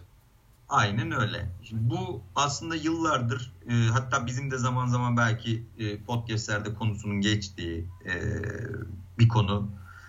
Şöyle bu işin bu konunun iki farklı tarafı var e, baktığın zaman. Eleştirenler de oldu, destek çıkanlar da oldu. Ben kendi adıma bunun yapılması gereken bir hareket olduğunu düşünüyorum. E, önde sonunda bu işin oraya gitmesi e, gerektiğini düşünenlerdenim ben. Ee, neden o şey diyeyim? Tabii eleştirenler de çekincelerini dile getirenler de şu yüzden çekincelerini dile getirdi. Ee, bu tip koşullar e, olduğu zaman genelde politik doğruculuk devreye girer. Ee, atıyorum en iyi oyuncu ödülünü bir kadına verdikleri zaman gerçekten hak ettiği için mi verecekler? Ee, ya da işte zaten bir kesimde şöyle eleştirdi. Ya kadınların görünürlüğünü e, arttırmak için gibi bir hareket ama aslında azaltıyor gibi. Farklı farklı tartışacak bir sürü noktası var. Eleştirileri de ben kendimce e, anlayabiliyorum. Ama bana kalırsa e, birazcık böyle o bu konu ilk çıktığı zaman neden Berlinale'nin böyle bir şey aldığına dair Berlinale'nin yapısına dair böyle bazı yazılar çıkmıştı onları okuduğumuzda Berlinale'nin aslında bunu yapmak için en uygun festival olduğunu son yıllardaki e, bazı aldığı kararlarla yap, de, değiştirdiği yapısıyla e, bir yerden bu başlayacaksa Berlinale'den başlamasının önemli olduğunu söyleyebilirim. Tabii ki bunu deneyimleyeceğiz. Ya burada tabii ki liyakat devreye girecek e, politik doğruculuktan ziyade gerçekten de iyi bir oyuncu e, kim iyi oyuncuysa o yıl o tabii ki bunu jüri belirleyecek. E, e, ona ödül verilecek. Riskleri olabilir. Belki çok e, toz pembe olmayabilir ama bana kalırsa bir yerden bunun başlaması gerekiyordu. Tabii özellikle bu geldiğimiz çağda bunun bir yerden başlaması gerekiyordu ve bunun Berlinale'den başlaması bence çok önemli. Bunun şimdi bir de Oscar ayağı çıktı geçen günde işte.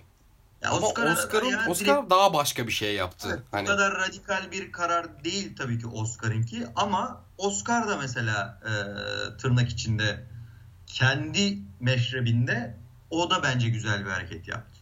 Ya bu arada senin dediğine ek şöyle, şöyle bir şey söylemek istiyorum. Mesela Bernal böyle bir karar, karar aldı. Okey. E, bence çok doğru bir karar. Hakikaten doğru bir karar. Ama bir taraftan da biz aslında sistemin tabii ki de yanlışlığını hani bunun ayrı olmaması gerektiğini falan tartışıyoruz da bir taraftan mesela ayrı olmayan kategoriler de var. Örneğin en iyi yönetmende kadın ve erkek ikisi de dahil olabilir.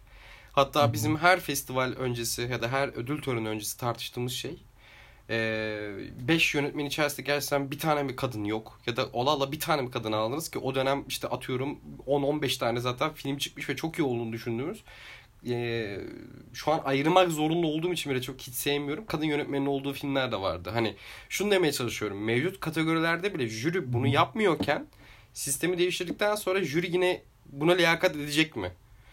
Hani bir taraftan evet sistem düzeldi ama insanları değiştirmediğin sürece sistemi istediğin kadar düzelt. Hani böyle bir küçük bir şey var ya. Ben o yüzden senin dediğin gibi bu saatten sonra artık yapıldığı zaman göreceğiz bir de. Tabii ama dediğim gibi ben mesela bunun e, olumsuz olacağına e, şey değilim çok. Ben umutluyum yani onu demek istiyorum. Endişesi olan ya bir de endişeyi ama endişesini de güzel dile getiren var abi. Bir de şey gibi dile getiren var ya SCV'ler gene her yere bulaştı. Ya artık ben bıktım ya gerçekten şu SCV muhabbetinden. Yani ya. hiç şey konuşulmuyor. Hep böyle şey diyorlar ya işte neden kadın yönetmenler aday değil dendiği zaman hep biz böyle olayı en sonundan konuşuyoruz ya. Kardeşim iyi film çekememiştir deniyor ya yani genelde. Abi ne o koşullar oraya gelene kadar bu sektörde kadınların neler yaşadığını, yönetmeninden oyuncusuna, set işçisine kadınların nelere maruz kaldığını, bu sektörün yıllar içinde, on yıllar içinde nasıl erkek egemen bir şeye evrildiğini falan biz bunları görmezden gelirsek, biz bunların üzerine konuşmazsak, sen her şeye SCV, SCV deyip geçersen yani mesela işte seninle de tartışmıştık ya Ocean's 8 ee, okey. Niye 8 tane kadın? E abi hiç kimse Ocean's Eleven'da neden 11 tane erkek diye sormuyor. Tamam mı? Yani o Ocean's 8 neden 8 tane kadın? Yani niye o 8 tane kadın olana kadar ki ken ki 10 yılları hiç konuşmadan direkt sonuç odaklı konuşuyoruz ya biz. O beni böyle çok iriteliyor artık. Ya da böyle her şeye e, her böyle bir, bir şeye mesela işte Berlin kararı. SCV. Yani ne alakası var SCV'likle? Baktığın zaman aslında eşitliğe yönelik atılabilecek bir adım teorik olarak baktığın zaman. Değil mi? Yani madem hı hı. kadın erkek eşit olsun diye herkes şey yapıyor ya SCV her şeyi SCV diye etiketler de kardeşim kimseye ayrım yapmayın. Herkes eşit olsun diyor ya. E bu eşitlik birden böyle laps diye sağlanmıyor ki. Yani 10 yılların getirdiği mücadelenin üzerine ya son 3 yıldır 5 yıldır biz bu kadar detaylı bir şekilde ne 5 yıl hatta daha eski kadın hikayelerini işte LGBTİ plus hikayelerini ötekilerin hikayelerini konuşmaya başlıyoruz. Bir yandan da bunlar rahatsız olan bir sürü insan oluyor baktığın zaman. Anlatı değiştikçe bu anlatıdan rahatsız olan bir sürü insan çıkıyor ama böyle olacak bu işler yani. Kim durup dururken birden her şey güllük gülistanlık olmayacak ya. Ya doğru söylüyorsun. Bir taraftan da şeyi hatırlıyorum.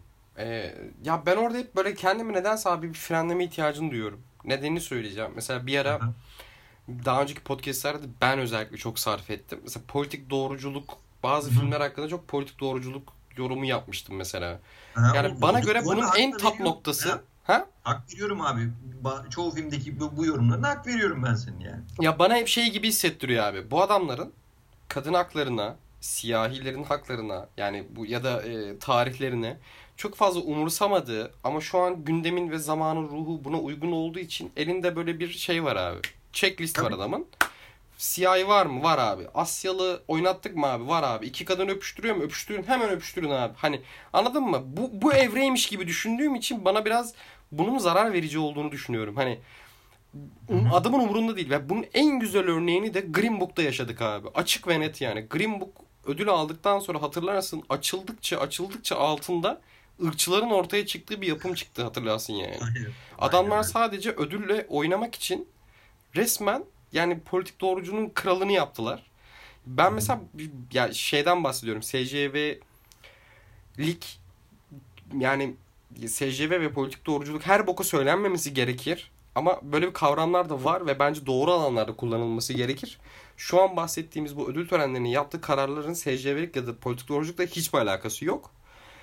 Mesela ben, ben, Oscar'ın belki bir tık olabilir ama Berlinale bence bunu yani gönülden yapmak istiyor. Bu değişime girmek istiyor. Bak ona okeyim dediğin doğru abi. Oscar'ı hatta konuşalım gerçekten de istiyor. Çünkü şey yani Oscar'ın zaten mimli bir artık benim gözümde mimli bir ödül töreniyken ya bilmiyorum sen oku, okumuşsundur çıkarttığı son şu dört e, maddeyi. Hani hızlıca bir özet geçeyim Tabii. abi çocuk. Madde madde değil de hızlıca dört şey kıstas getirdiler. Bu altta ayrılıyor bu dört Bu sadece madde. en iyi film için ama. Bunlar Tabii en iyi film için bunlar. İlki perdedeki temsil, temalar ve öyküler diyor. Yani işte diyor ki mesela oyuncuların kaydedilen kısmı işte e, Asyalı, Latin, Hispanik, Siyahi, Afrika kökenli, Alaska yerlisi, Kızılderili, Kuzey Afrikalı, Pasifik yerlisi gruplardan olmalı diyor.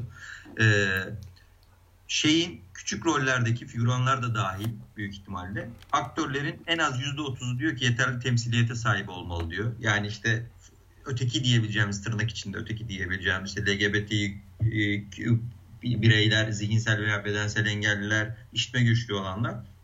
Bir de diyor ki filmin ana örgüsü, teması olay örgüsü yine yeterli temsiliyete sahip olmayan aynı grupları odağına almalı diyor. Bu ilk şeyi.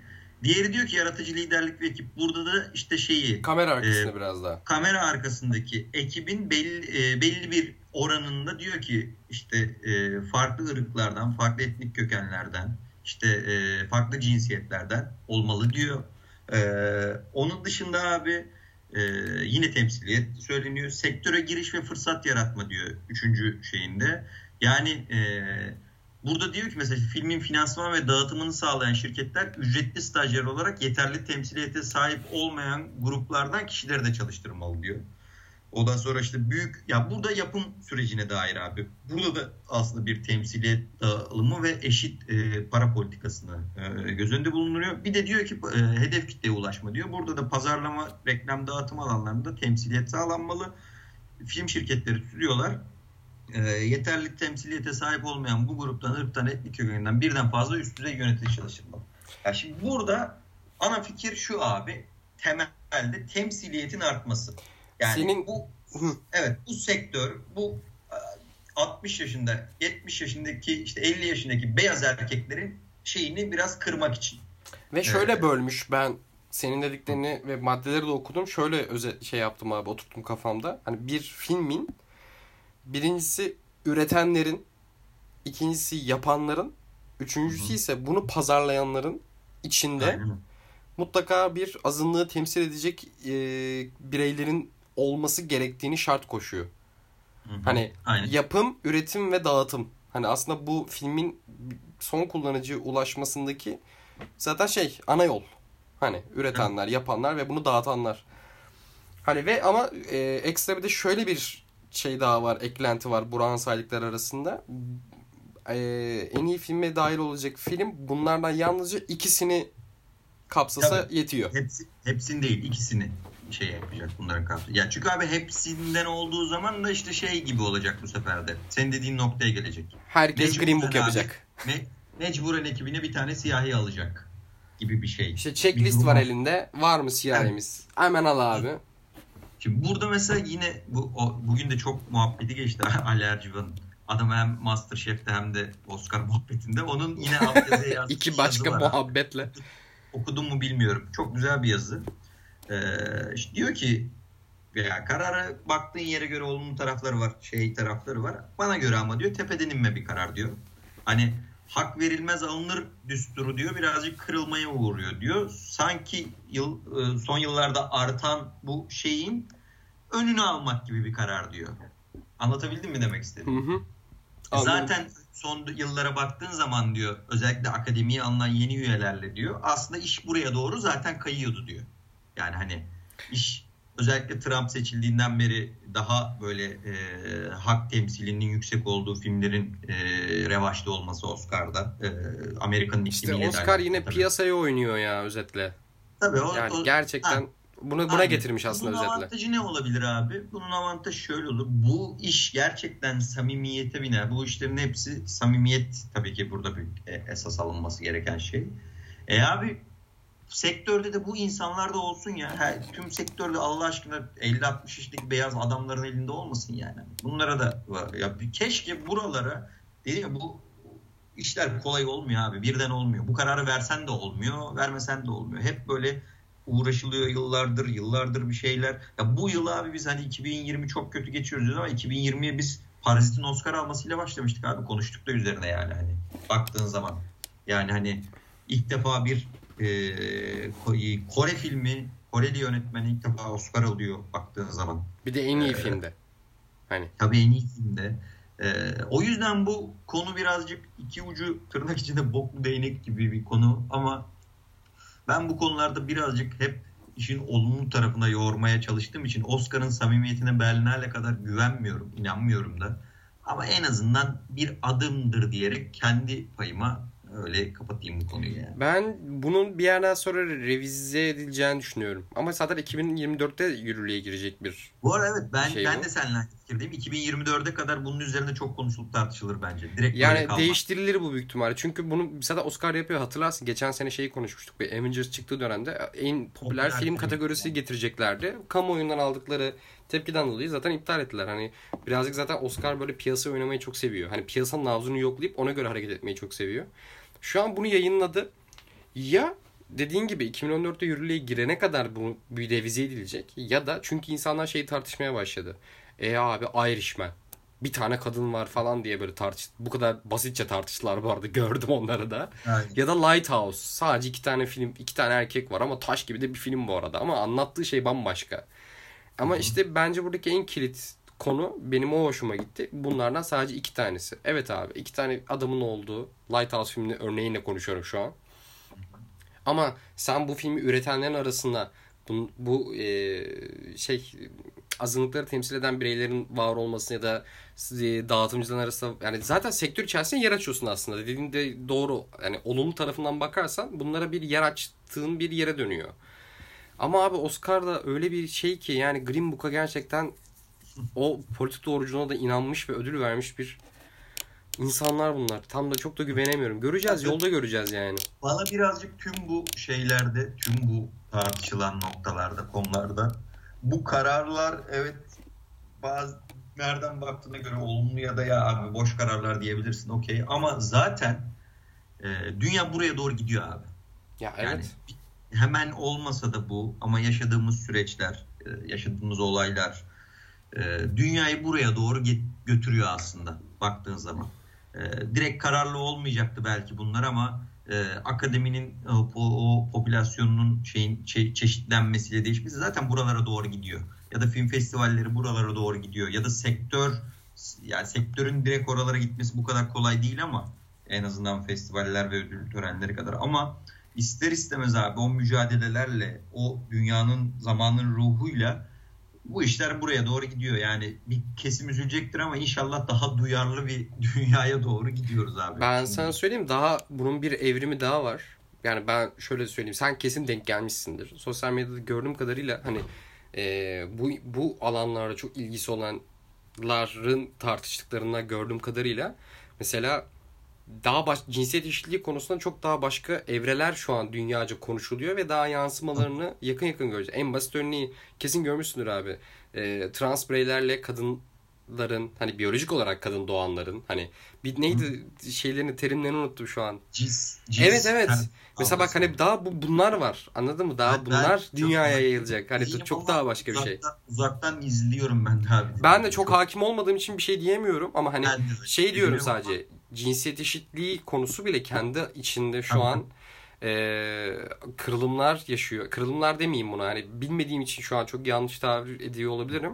Hani daha yansımasının daha globalde göreceğimiz çok daha yol yani kat edeceğimiz çok yol var özetle. Ya sadece o, o konudan da ziyade işte atıyorum mesela e, hep böyle konuşuluyor ya bundan belli bir süre geçtikten sonra e, hayvanlara bakış açısına dair de bunun üzerine çok şey konuşulacak. Göreceğiz. var ya yani hani hı hı. yarın bir gün e, mesela bilmiyorum olur olmaz ama bir belli bir yıl geçtikten sonra e, ulan nasıl bu hayvanları biz nasıl yedik diye böyle bir insanların silkeleneceği falan filan konuşuluyor. Tabii dediğim gibi bunlar hep zamanla e, olacak ve bakalım göreceğimiz şeyler yani.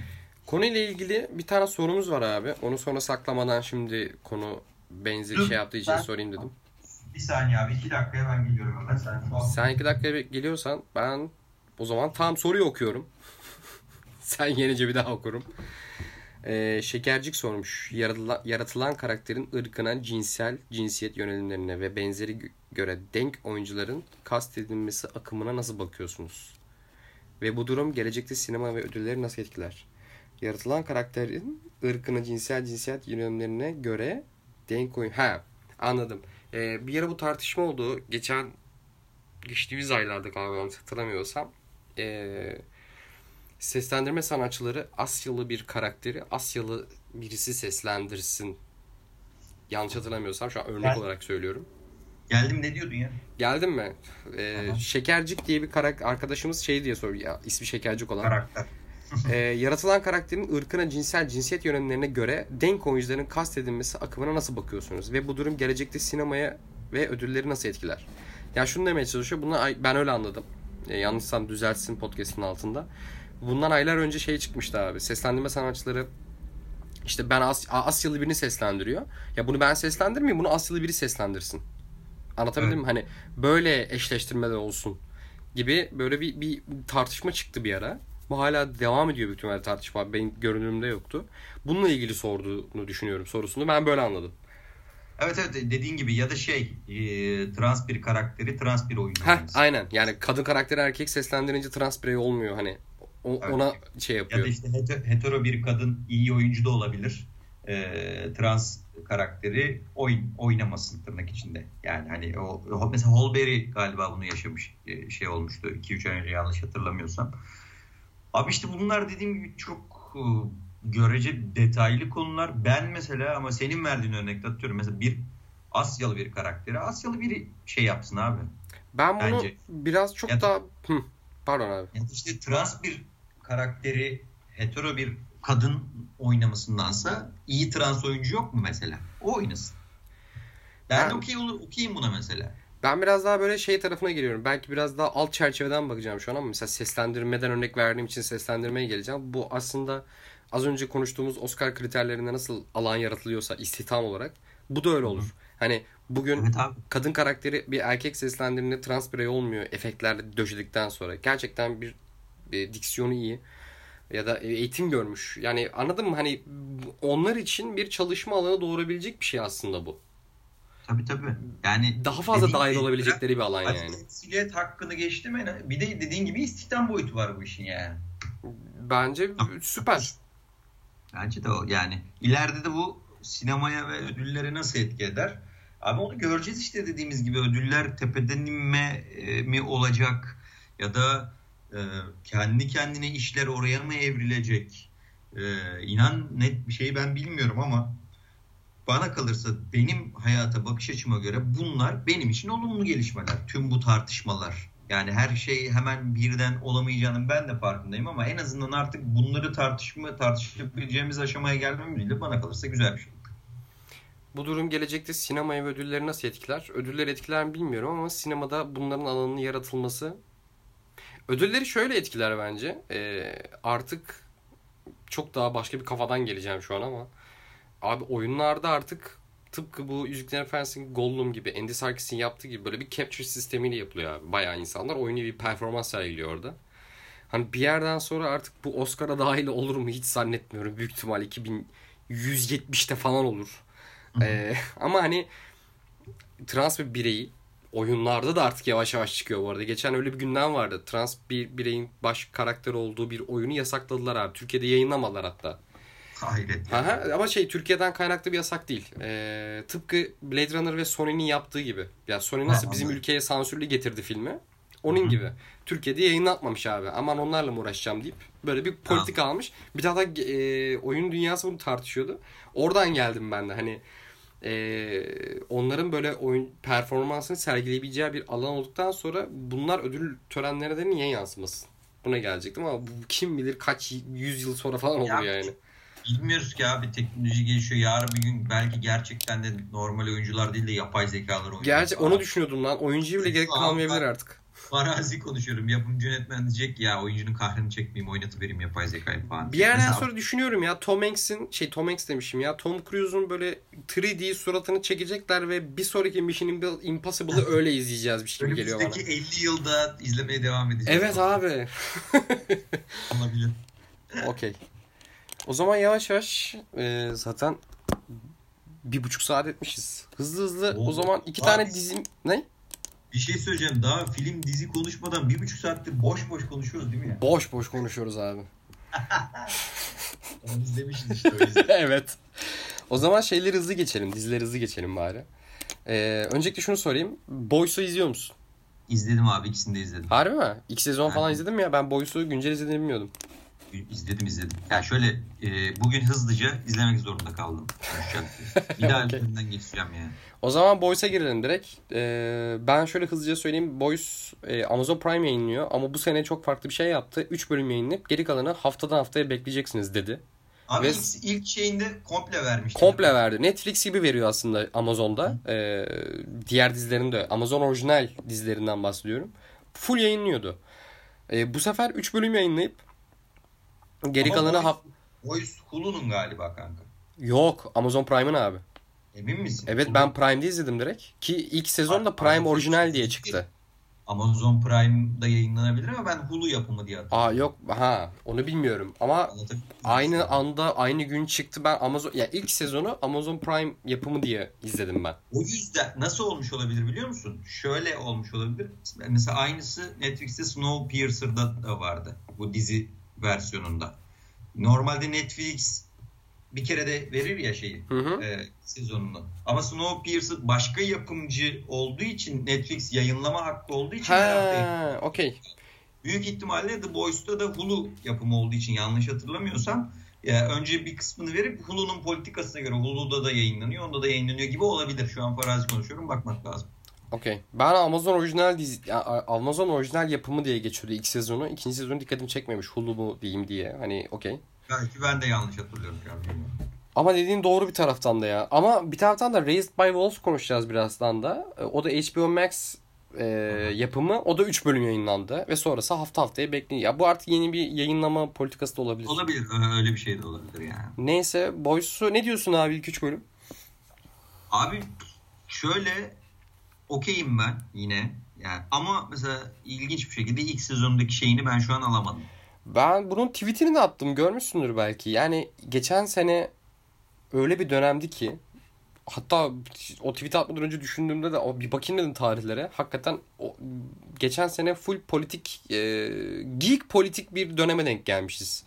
Yani Hı-hı. Boys, e, Joker, Watchmen dönüp baktığında yıllardır Marvel'ın kurduğu bu böyle e, süper kahraman, Bay Amerika, dı dı dı dı dı dı, full iyilik miyilik hani bu kafaya ters düşecek yapımlar gördük. Boys da bunlardan bir tanesiydi. Boys'la Watchmen'ı bu arada çok böyle e, kardeş evrenler gibi görüyorum ben. İlk sezon o yüzden ben mesela çok sevmiştim. Daha o zaman ne Watchmen çıkmıştı yanlış hatırlamıyorsam ne de Joker çıkmıştı. Hani evet abi sonunda birisi süper kahraman hikayesini alıp alt üst edip böyle yayınlama kararı almıştı. Ben böyle bayılmıştım ilk sezona. Ama dediğin gibi ilk sezon etkisi yaratmadı. İkinci sezonda ilk üç bölüm gereği şu oldu. Karakterlerin derinliğe inmeye başladı. Bir taraftan iyi bir hamle. Hani çünkü bazıları çok sığdı hatırlıyorsun. Şu bir tane Aquaman'e benzer Aquaman çakması bir herif vardı ya taciz iddialarıyla sürüldü Deep. herif. Deep. Ha mesela onun o böyle başka bir yerlere gitti. Bir tane Wonder Woman gibi sadece böyle gülen, sadece böyle e, medya karşısında iyi gözüken bir karakter böyle aslında LGBT bireyiymiş. Hani Hı-hı. bu derinliklere girmesi güzel oldu ama biraz çok olaydan sapıp karakterleri indiği için de böyle ilk sezon zevki vermedi bana. Abi benim gözlemim şu oldu ilk üç bölümde. Tabi dizinin hepsini izlemek lazım yayınlandıkça bakacağız da. O ilk sezonda biz tam dediğin noktalardan sevdik ya bunu. O hı hı. süper kahraman hikayesini bambaşka bir yerden yaklaşıyordu. Ulan gerçekten olsa süper kahramanlar böyle bir ekonomi içinde olurlardı falan diyorduk ya. Ya da böyle bir PR içinde olurlar diyorduk. Bu inceden devam ediyor ama bir yerden de Marvel vari bir şeye döndüler. Bana kalırsa ilk üç bölümde. Yani ne nasıl bir ne, nasıl açıklayabilirim bunu? Yani çok matematik şakalar yapmaya başladılar mesela. Ha. Ya da işte e, şey hikayesi mesela birinci sezonun sonunda e, bu Homelander bizim bu başroldeki başrollerden biri. Superman adamı, çakması. Ha onu şeye getiriyordu ya. Bak senin karın ölmedi normalde burada yaşıyor falan diye. Mesela o hikayeyi şöyle devam etseydi bence. Meğer o kadın Homelander'la gerçekten de bir e, aşkı var. Mutlu Mesut o çocuğuyla hani bambaşka bir şey ya. E şimdi spoiler olacaklar bundan sonrası. E bakıyorsun e meğer abi Homelander'ın da haberi yokmuş. Kadını oraya koymuşlar falan. Yani böyle çok ciddi ciddi bir şeyler anlatmaya başladılar. Anlatabildim mi demek istedim. Yani ben bu tip süper kahraman dizilerinde kendisine bir meta gibi yaklaşabildiği şeyleri biz çok seviyoruz ya. İşte Hı-hı. Watchmen'in filmi de öyle. İşte Kick-Ass de öyle. The Boys öyleydi. İşte Watchmen'in dizisi zaten daha politikti ama o da öyleydi.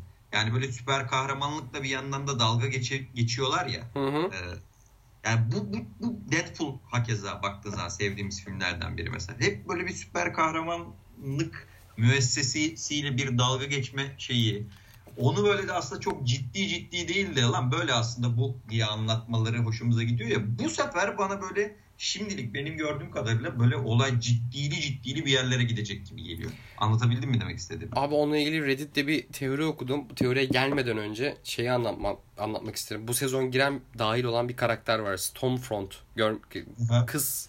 Yani şöyle e, izliyorsunuzdur artık bu saatten sonra burayı dinliyorsanız ve geçmediyseniz e, Seven'a yani şeyin Amerika'nın bir özel firma tarafından fonlanan bir Seven adlı 7 tane süper kahramanın olduğu bir grubun arasında yeni bir karakter geliyor. Stormfront diye.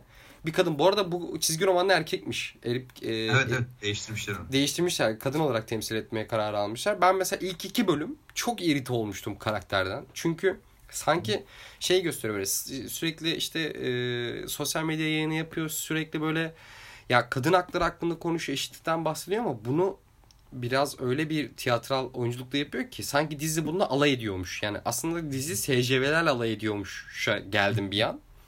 Ama üçüncü bölümde bunu ters yüz etti abi. O çok hoşuma gitti. Üçüncü evet, bölümde hatırlıyorsun evet, böyle bayağı katliam yarattı kız ve ırkçı ırkçı konuşmaya başlayınca Tabii. sonradan öğrendim. Okuyunca gördüm. Ee, yazar zaten şey diye koymuş hani Amerikan sağcılarının Twitter'daki tatlış tatlış görünenlerin altında yatan o ırkçıları birazcık temsil etsin diye Doğru. yarattığımız bir karakter diye. Böyle düşününce çok hoşuma gitti karakter. Ya bu arada hala dizinin bazı trikleri var. Mesela işte o galiba ikinci bölümde miydi, üçüncü bölümde miydi? bu sinema filmiyle dalga geçerken DC ile dalga geçmeleri. Ha evet. Bir yandan, bir yandan bu Han, şey diyor ya bir de dayayacağız siyah efekti falan diyor ya DC kendisiyle dalga geçme muhabbeti. İşte Hans Zimmer'la dalga geçmeleri falan. Ya bir yandan da benim o sevdiğim dalga geçme şeyleri evet devam ediyor baktığın zaman birkaç trikle ama ilk sezonda bunu daha iyi geliyordu bana. Şimdilik dediğim gibi çok kötü bulmadım. İlk 3 bölümü yine iyi gidiyor. Ama inşallah yine o ilk sezonundaki tonun tonuyla devam eder ümidim var. Ya çok ağır aktı bir de. Yani şu anlamda ağır aktı. Evet, evet şeyi öğrendik. Ağır akıyor. Abi şeyi öğrendik işte aslında bunlar süper kahraman doğmamış bir ilaç varmış ilacı zerk edince onlar süper kahraman dönüş. Okey bu çok büyük vurucu bir şeydi. E tamam izliyoruz ilk bölümü hala bunu anlatıyorsun. İkinci bölümü izliyoruz hala bunu anlatıyorsun. Lan artık bunu aş bunun ötesini göster değil mi? Hani hı hı. ben o, o oraları görünce birazcık o, o akmadığını düşündüm. Yani üçüncü bölümün sonlarına doğru işte e, süper terörist geldi. Yine bir Amerikan dış e, politikası olarak eleştiri olarak hani bir süper kahramanı Hı-hı. övmek için bir süper terörist yapman gerekecek. Mantığıyla yapılan bir karakter çok hoş bir şey aslında bu arada. Güzel bir eleştiri politika açısından. Ama abi 3 sezon 3 bölüm boyunca bunu uzattı uzat uzattı uzat yani biraz yavan başladı. Ben iyileşir diye düşünüyorum. Güzel taraf güzel sularda yüzüyor. Hani evet, doğru işte Bence de senin dediğin gibi biraz sıkıntılı bu sezon. Doğru noktaları yakalarsa abi güzele güzel bir sezon izleriz ama bir taraftan da ha şeye dönecektim. O tweet'i attıktan sonra şey dedim ya biraz buna doyduk mu? Hani nasıl ki süper kahraman filmleri çıktı farklı geldi sonra artık yavan demeye başladık. Geçen sez geçen sene işte bu üç yapımı işte Watchmen, Boys, Joker izledikten sonra bu böyle yıllarca yaratılan süper kahraman mitini alt üst edecek politik altyapılı ki geek politik diyorum ben buna. Hani buna mı doyduk? Hani çok aynı geldi bana ilk üç bölüm. O politik Olabilir. eleştiri açısından. Ya aslında Watchmen Arada kaldım. biraz daha sıyrılıyordu bence bunların arasında. Watchmen'ınki biraz daha tarihi şeylere çünkü değiniyordu. Evet, evet. Yani o on, onun evreni biraz daha benim politik olarak hoşuma gidiyordu. Ha bir de o Ondan... gerçeklere dayanıyor. Bu biraz daha egzajere etmiş. Amerikan dış e, politikası, iç politikası biraz daha böyle karikatürize ederek anlatıyor ya. Watchmen bayağı tarihi gerçeklerle beslenip dramatik yapısını kurduğu için daha etkileyiciydi mesela. Evet doğru. Velhasıl öyle. O zaman bir diğer yeni dizimiz. Raised by Wolves. Ridley Scott'ın. Ve abi, tebaasının. Abi Ridley Scott dizi çekseydi böyle çekerdi zaten bence. Ya ee, onu hissettim mi bilmiyorum. Bir sürü işte Alien'dan, Prometheus'tan hatta bazı bir, bir yerdeki görsel bir e, anlatımdan bu e, Orlando Bloom'un oynadığı tarihi bir film çekmişti ya bu neydi ya Haç seferlerini falan anlatıyordu. Aa neydi lan? Selahattin Eyyubi falan vardı. Ay, Kingdom of Heaven. Heh. E, hatta ondaki görselliğe çok yakın görsellik falan vardı. Ya kendinden bayağı beslenmiş Ridley Scott. E, konusu da fena değil baktığın zaman. İzle, bir, izlemeyenler için özetleyelim bence. Hı-hı. İzlememiş olanlar için. Sen yani izle yani şöyle hatta kendim izlerkenki deneyimi de ben bu arada hiç konuyu okumadan sadece Ridley Scott bilim kurgu hani şu an insanlar konuşuyor diye oturup iz, izlemeye başladım. Ben de izledim bu arada. Ee, bir uzay gemisi bir gezegene geliyor. Şu an adını unuttum. Böyle kodlu bir ismi vardı. Ee, öyle bir şey Aynen öyle. Bir erkek bir kadın. Hatta kendilerine baba ve anne diyorlar. Bunlar bir gezegene geliyorlar. O gezegende ko- koloni gibi yani böyle bayağı igloya benzer bir çadır kurup kolonileşmeye başlıyorlar anne ve işte bu bu ikisinin Android olduğunu öğreniyoruz. Hemen yakın bir zamanda. Çok spoiler değil. Ya 5. dakikada ortaya çıkıyor. Sonra yanlarına getirdikleri o yani çocukları annenin enerjisiyle 6 tane çocuk doğuyorlar. Ondan sonra bunu yetiştirmeye başlıyorlar falan. Ve yetiştirirken de bir taraftan şey anlıyoruz. Bunlar buraya nasıl geldi? Dünyada bir savaş olmuş. Savaşta ateistlerle inançlar arasında olmuş. Ve ateistler başka bir dünyada yaşam yaratmak için bu androidleri gönder göndermişler. Kolonileş, kolonileşmeleri için. E, bunu şeyden anlıyoruz. Anne android çocukları yetiştirirken böyle gece anlatıyordu onlara falan. E bir taraftan da bunlar gezegende şeyi yaşamaya başlıyorlar. İşte mevsim değişiyor. Çocuklar tek tek ölmeye başlıyor. Bir tane aralarından bir tane özel olan var. Tam doğum anında ölüyordu anne. Böyle ona Böyle öperek şey. Buralar çok ucuz geldi bana bu arada. Evet evet. Neyse. çok çok ucuz yerleri var ya. e, konu 3 aşağı 5 yukarı böyle işte böyle bir küçük bir aile yaratılıyor. Anne babanın android olduğu ama çocukların bayağı insan olduğu bir küçük bir aile yapısı düşünün. Sonra da bu gezegene işte e, dünyada e, inançlılar geliyor ve olaylar gelişiyor. Hani spoilersız böyle diyeyim ama biz yine büyük ihtimalle eleştirirken spoiler anlatacağız. E, yani ben şey dedim abi ilk çok hoşuma gitti. Oha çok güzel bir konu. Hani yıllarca Alien'la yakalamaya çalıştığı konuyu etrafında ya dolaştığı temayı evet yakalamış sonunda.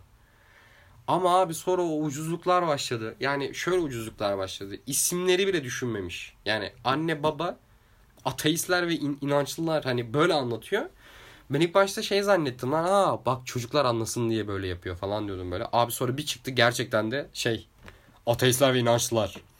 Ya böyle inançları sürekli kendini böyle o 13. yüzyıl İngiltere'sindeki şövalyeleri gibi giyinmeleri. Ya böyle çok ucuz göndermeler var. Benim bir tek şey hoşuma gitti orada. E, inançlılar dediğin aslında güneş temelli bir dine inanıyor belli ki. Ha, evet. Baktığın zaman bir paganizm yani. evet. Şeylerin de sembolü haç ateistlerinde. O çok ilginç. Evet o, o ilginçti. Ama orada öyle bir kafa karışıklığı var ki mesela ben orada daha da koptum diziden. Ee, şöyle ikinci bölümde falan daha iyi anlaşıyor. Hatta bence en çok tartışılacak yeri orası gibi geliyor.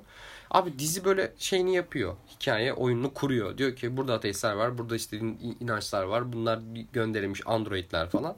Ha bu arada androidlerden anne olanı falan kafayı yiyip böyle ortalığı falan ağzına sıçıyor. Neyse. Abi bir yerden sonra dizi taraf tutması gerek ya hikaye yazarken düşünmüşler. Demişler ki ya biz böyle bir yapı yarattık. Biz nerede duracağız bir yapı içerisinde?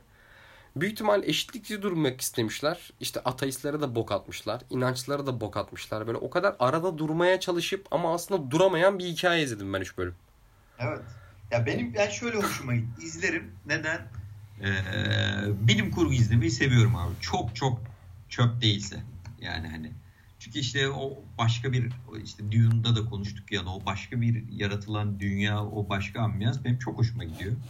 Ee, burada da birazcık ondan merakla izledim. İzlerim de gerisini ama dediğin gibi abi e, bir yerden de sanki o yine Prometheus'ta sıçıp batırmıştı ya yine bu toplara girip bu şeylere Hı-hı. girip yani hani birazcık bu da bana öyle olacak gibi geliyor yani böyle izleyeceğiz izleyeceğiz ve hayır diskat yani yapacağın sona senin diye şey Zaten yapacağız. aynı ilerliyor gibi. Yani Prometheus'taki hikaye çatışması Android'in bozulması üzerine kuruluydu. Burada da ilk bölüm anne Android bozuldu.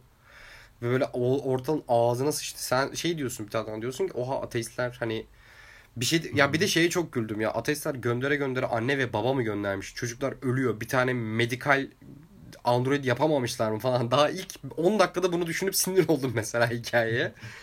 Ama bir taraftan da şey de kötü. Abi ateistlerin kötü olduğunu söylüyor bir yerde. Baya böyle parmakla gösteriyor her şeyi dizi. Ona ayrı sinir oldum. Her şeyi gör, kör göze parmak söylüyor. Onun kötü olduğunu gösteriyor, söylüyor. Bir taraftan inançların çok kötü olduğunu söylüyor. Nerede durması gerektiğini, yani denge yaratayım derken dengesiz bir anlatım yakalamış. Beni bu biraz itti böyle bir bilim kurguda. Bir de zaten her şeyi yani sala anlatır gibi anlatmaya çalışacak. Bunlar ateist adı bile yok. Ateistler, inançsızlar bunlar gibi.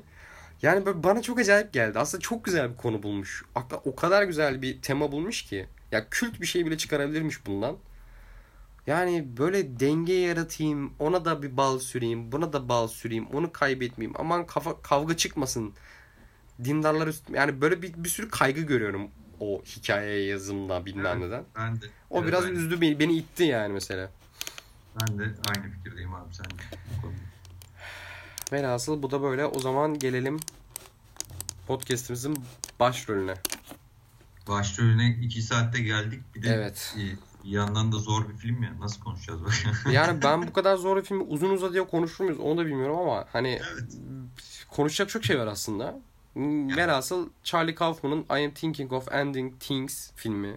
Her şeyi bitirmek istiyorum diye mi çevirmişlerdi? Hı hı. Her şeyi bitirmek istiyorum.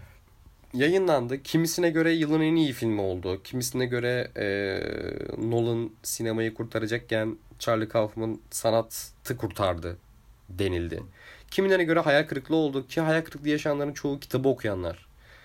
Ee, kitaptan bile haberi olmayanların arasında çok sevenler de çok kötü bulanlar da gördüm. Yani böyle çok orta ayar etki orta ayar etki demeyeyim çok hafif olur çünkü film hakikaten bence çok güzel. Ama ben de mesela göz ardı edemedim hatalarını ya da beni çok e, izlerken çok yoran şeylerini. Neyse istiyorsan başla abi sen sen nasıl Abi, buldun mesela? Şöyle benim ben beğendim. Önce onu söyleyeyim. Hatta bayağı beğendim. Bu yıl zaten çok bir film izleyemedik bu yıl. Bu yıl izlediğim şimdiye kadarki filmlerin arasında en iyi filmlerden biri kendi adıma. Ee, neden e, beğendim?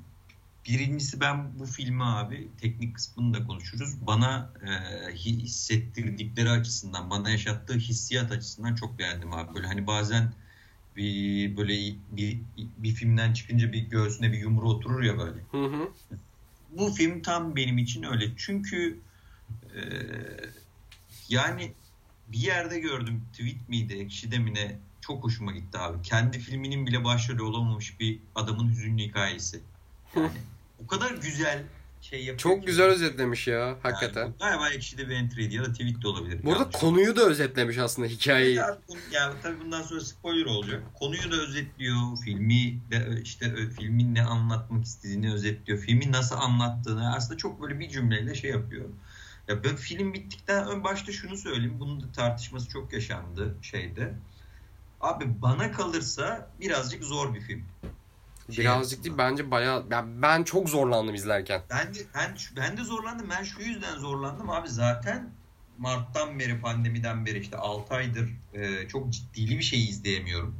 E, ruh halimizden, dünyanın içinde bulunduğu şeyden, kendi iç dünyamdan dolayı. Ama o yüzden çok zorlandım. Özellikle ilk 20 dakika, yarım saatini atlatamayacağım galiba ben bu filmi falan diye böyle dikkat istedim. Çünkü bir yandan da teknik olarak baktığımızda da abi çok kısıtlı mekanda geçiyor film işte arabada yolda yani yol hatta yol bile değil arabanın direkt içinde yolu bile doğru düzgün göstermiyor. Sonra evde abi sonra işte tekrar arabada ve okulda yani 3-4 kapalı alanda film geçiyor baktığın zaman.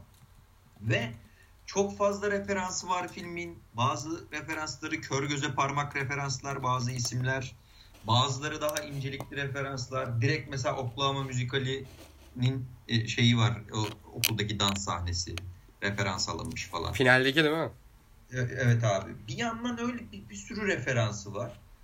Bir yandan böyle olay çok e, kitabı daha twistliymiş bu arada. Ben de kitabı okumadım ama kitabı kitaptaki twist'ten ziyade Charlie Kaufman çok böyle olayı twist'e çevirme derdinde değil. Çünkü filmin zaten böyle 40. 45. dakikasında falan anlıyorsun. Ha evet yani şu an bu adamın büyük ihtimalle e, bir hayalini biz ya görüyoruz. evet yok diye bir şeye varıyorsun. Zaten. Arabadan indikten sonra aile yemeğine geçtikten sonraki orada evet. şey paralel kurgu daha fazla artmaya başlıyor. Orada anlıyorsun okey abi. De. Öyle ve şey diye düşünüyorsun. Ama bu önemli değil işte benim için. Anlatabildim mi demek istedim. Burada iki nokta beni çok etkiledi. Birincisi neyi anlattı? Şeyin, Charlie Kaufman'ın. Biraz önceki kurduğum tek cümle aslında neyi anlattı? Yani abi en bu hele günümüz çağ, çağındaki o yalnızlık şeyi var ya, yalnızlık, ölüm, zaman mefhumları var ya. Bunların üzerine belli ki Charlie Kaufman çok kafa yoruyor. Zaten biliyoruz Charlie Kaufman daha önceki işte Anomaliza'dan işte ondan sonra New York yanılsamalarından Eternal Sunshine of Spotless Mind'den işte ondan sonra o Confession of Dangerous Mind e, Adaptation zaten e, ne denir bir klasik. Yani hani e, John Malkovich olmak zaten bunlara Charlie Kaufman çok kafa yoran çok incelikli bir yazar zaten. Bu arada bence iyi de bir yönetmen olmuş. Bir filmin yönetmenliği de bence iyiydi. Bazı noktalarına takılmama rağmen.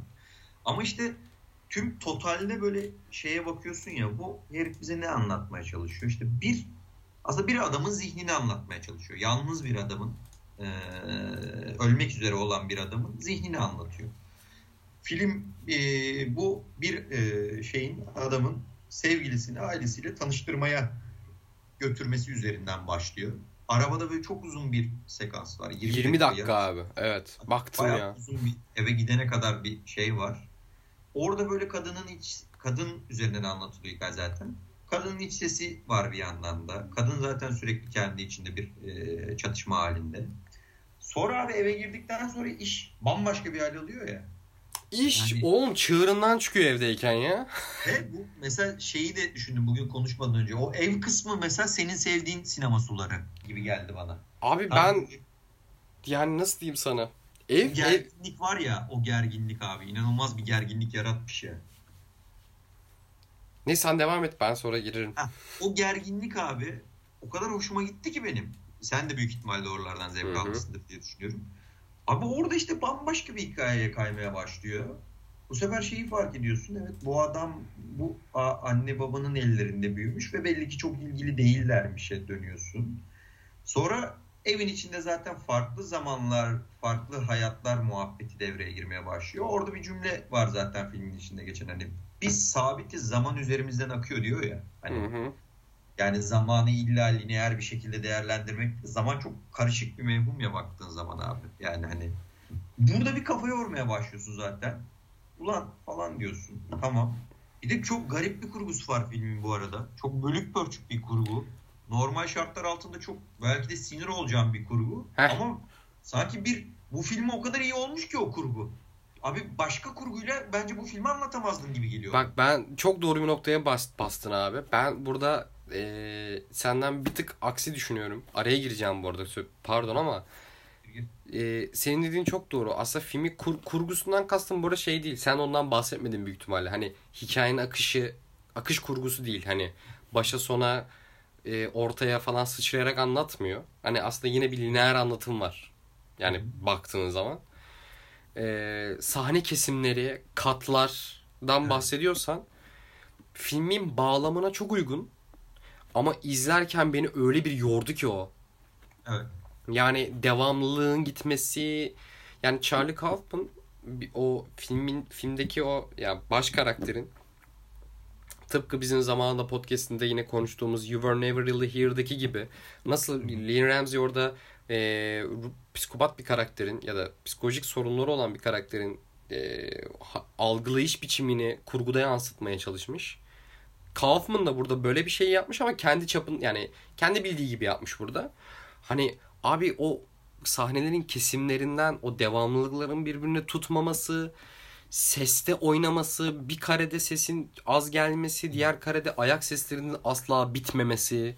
Ya beni izlerken bütün her alanda, her algıya yöneltecek bir detay verdiği için Kaufman ben çok yoruldum izlerken. Yani Hı-hı. inan Uncut Gems'te bu kadar yorulmadım abi. Anladım. Hani ben mesela biraz bu yüzden çok itildim. Ma- şey diyorum hani evet abi mantığa çok uygun ama seyirlik de değil. Hani mesela senin dediğine şöyle ters düşeceğim. Normal bir kurguda en azından o e, devamlılıkların çok da boka sarmadığı yani çok ayrı durmadığı, sırıtmadığı, daha yumuşak keser kes, kesip birleştirseydi daha iyi akarmış gibi geldi bana. Yani yine anlamlan bir şey kazanmamış. Ama Kaufman öyle bir şey yapmış ki hikayeyi de meta olarak kullanmış. Yeri geliyor film kendi içinde kendini eleştiriyor. Hatırlıyor musun o yerleri? Dönüş yolunda. Tabii yani tabii. o yüzden Kaufman zaten filmi de meta olarak kullanmış. Filmin o yüzden kes, kesmelerini, biçmelerine kadar, ses tasarımına kadar tek bir bağlamda, tek bir... Tabii üst üste biliyor evet, bir abi. yerde sesler, bir yerde çok netleşiyor. Bir yerde şey çok sinir oldu. Ya sinir oldu değil Bir taraftan çok hoşuma gitti ama bir taraftan şey o Tony Collette anne evde yemek yerken bir şey konuşuyorlar o sırada gidiyor. Abi o gittiği zaman ayak sesi ev göt kadar ev hatırlıyorsun evi. Hı hı. O ayak sesi iki dakika falan sürüyor abi. Ya şimdi yani. diyorsun ki bağlam olarak evet mantıklı. Çok ilginç bir fikir. Ama abi o bir taraftan o sırada karakterler bir şey konuşuyor. Onu mu algılayayım, onu mu algılayayım derken böyle infilak etti beynim. Ben biraz Yok. bu yüzden filmden itildim. Çok iyi anlıyorum abi.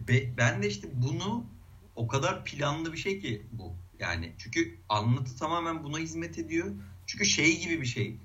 Bir herifin boşa gitmiş hayatı olan bir yaşlı bir herifin a, zihnindeki o kırpıntıları izliyoruz ya bir yandan belirliğindeki. O yüzden çat diye o kurgu kesiliyor ya. Yani çünkü kendi hikayesi bile yok adamın baktığı zaman. Sürekli hayalindeki dünyaları devşirip bir yarattığı bir kız arkadaşını ailesiyle tanıştırıyor baktığın zaman. Kadının işi değişiyor. Bir akademisyen oluyor, bir fizikçi oluyor, bir garson, Garson oluyor. oluyor. Yani hani o yüzden çok iyi anlıyorum bu arada dedi. Bu arada izleme anlamında dediğim gibi bir yerde beni de yor. Çünkü bu ben ama bunu birazcık şeye de yoruyorum abi. Bu tamamen bizim benim kendi adıma en azından bu 6-7 ayda izleme alışkanlığımın bok gibi bir yere evrilmesiyle alakalı. Ya bak ben şey e, onu da araya katayım. Hani buna çok gelemememin sebebi de büyük ihtimalle bu. Ben eminim ya çünkü ben şu dönemde birazcık bana böyle şey olarak e, konu olarak şey olarak değil de e, aynı senin dediğin gibi You Were Never Really Here ya da işte biraz daha transit vari hani daha Hmm. şiirsel bir anlatım var ortada. Yani hani dümdüz anlatmaktan ziyade daha edebi bir anlatım var ya. Mesela şu an şeyi düşünüyorum. Şu dönemde Transit'i izlesem onu izlerken de şey yorulurdum. Anlatabildim mi demek istedim? Ya şeyde de konuşmuştuk ya Nuri Bilge Ceylan özel bölümde de işte ahlat ağacında da öyle bir kesmeler var hani birbirine uymuyor, devamlığa da uymuyor böyle hani anladın mı? Çok amatörce gibi gözüken.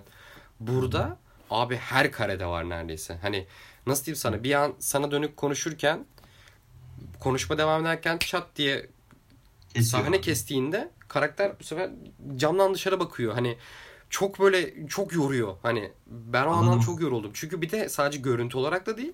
Bir yerden sonra ses olarak da başka bir şeyler atıyor ortaya. Fikir yani başka fikirler atıyor ortaya.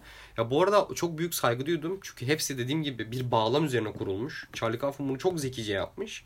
Ama ben izlerken çok yoruldum. Böyle yapmasa da ben onu alırdım'a geliyorum mesela. Bu benim Anladım. şahsi Ben- düşüncem. Ben de işte böyle yapmasa e, bu kurguyu çok yavan bir film olurdu bence.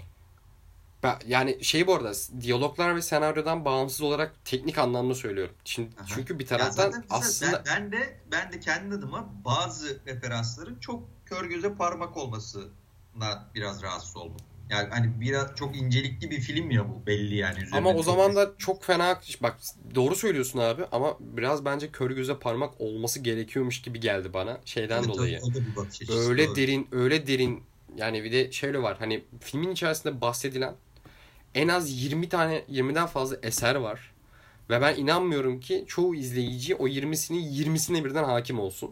Yok olamazsın. Ha, o yüzden o öyle bir incelikli bir konu anlatım, bir şair anlatım var ki bazı şeyleri kör göze parmak verip bir fikir vermesi lazım filmle ilgili gibi düşündüm ben.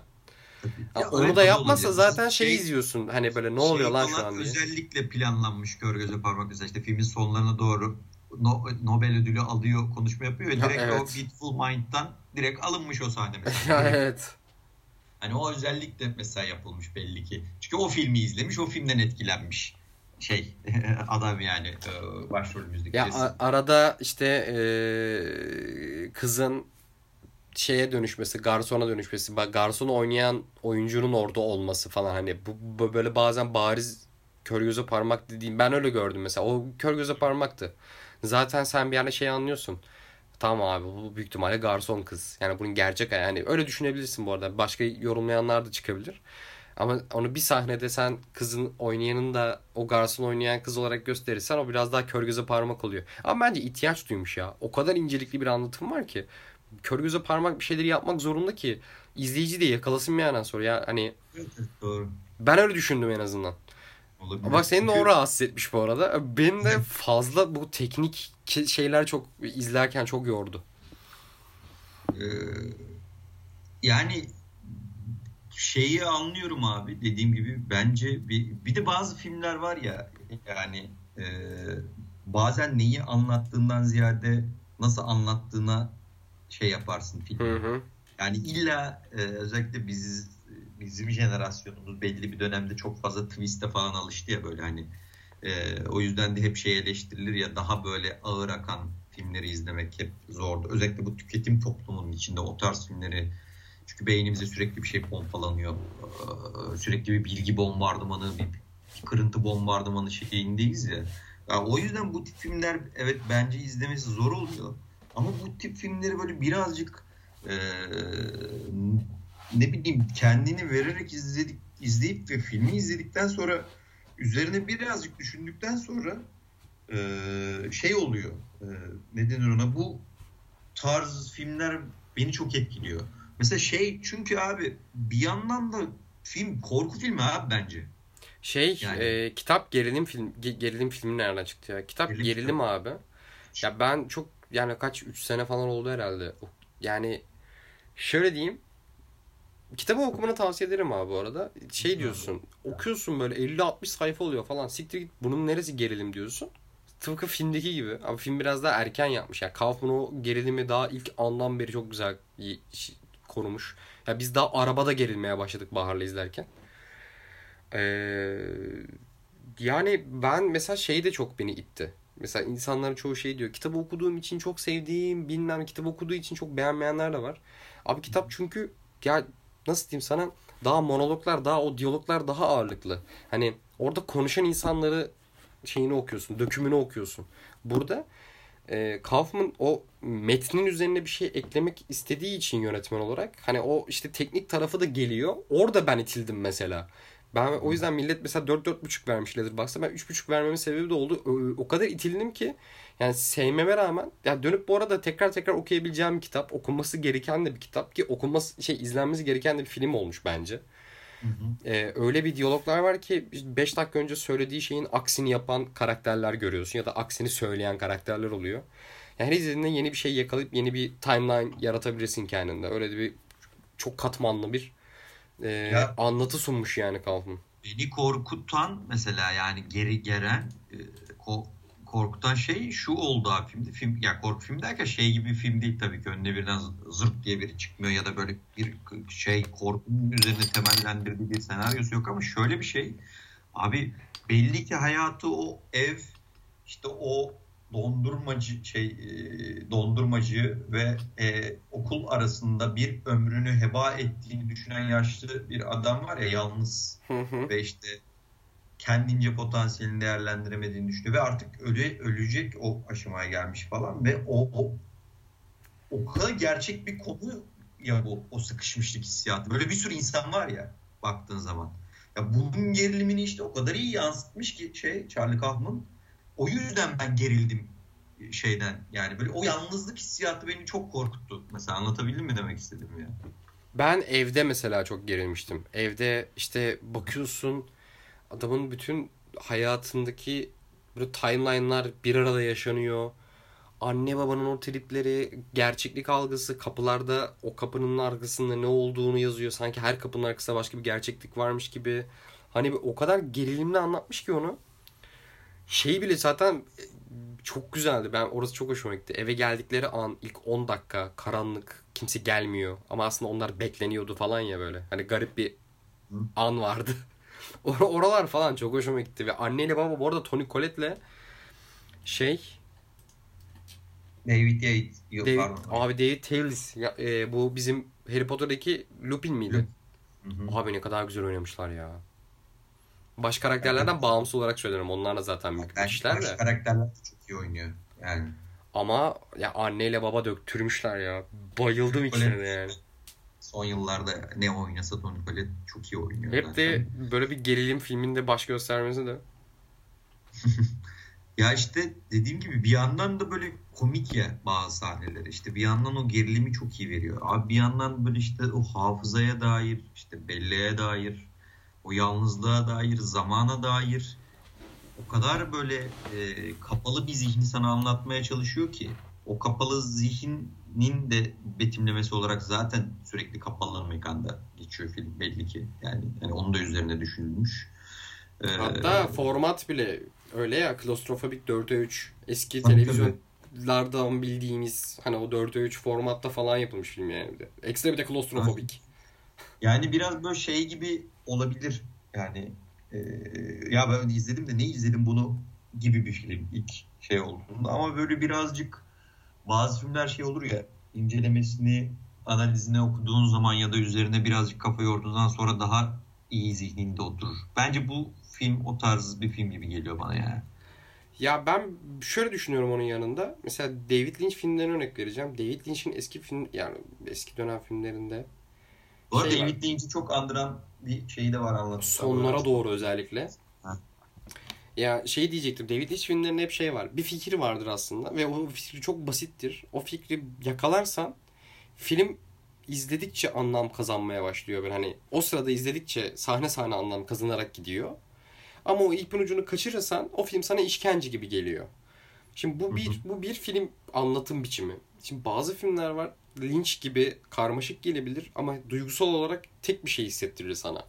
Şu an örnek veremedim. Mesela You Were Never Really Here öyledir. Ya bu film bana ne anlattı demezsin ama film bittikten sonra bir his vardır sende. Ya da Climax de öyledir mesela. Hiç bok anlatmaz. Çıktıktan sonra bir his vardır. Hani demek istediğimi anlatabildim mi? Bu, bu film bunun ikisini de barındırmaya çalışıyor. O çok güzel. İpin ucunu kaçırdık, kaçırırsan eğer bir izleyici olarak, genel izleyiciysen mesela bunu izliyorsun. Abi filmden hiçbir şey anlamasan bile aradan o ipuçları yakalayabiliyorsun. Ve film bittikten sonra yumru oturuyor hakikaten de sana. Ee, bir yerden sonra da filmi bir hazine olarak ya bir define haritası olarak baz alıp hakikaten ipuçları yakala yakalaya gittiğin zaman bambaşka bir yumruk oturuyor senin sonunda. Bu anlamda da çok duygusal anlamda da çok katmanlı bir film çekmiş Charlie Kaufman.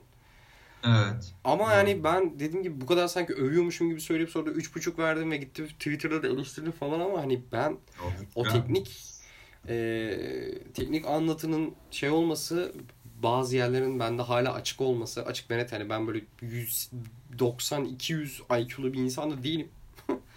yani e, beni çok itti. Özellikle o teknik şeyden teknik olarak hani o az önce bağlam dışı kesmeler, işte konuşmalar şeyler beni o kadar itti ki, ki kitabı bilmeme rağmen az önce onun örneği vermeye çalıştım. Çünkü kitapta bir monolog, bir diyalog, bir karşılıklı şey okuyorsun. Bir, bir, bir şey var. Ama hani iş görüntüye bindiği zaman o görüntüde de Charlie Kaufman bir oyun oynadığı zaman of yani benim kaldıramadığım bir tecrübeye dönüştü o.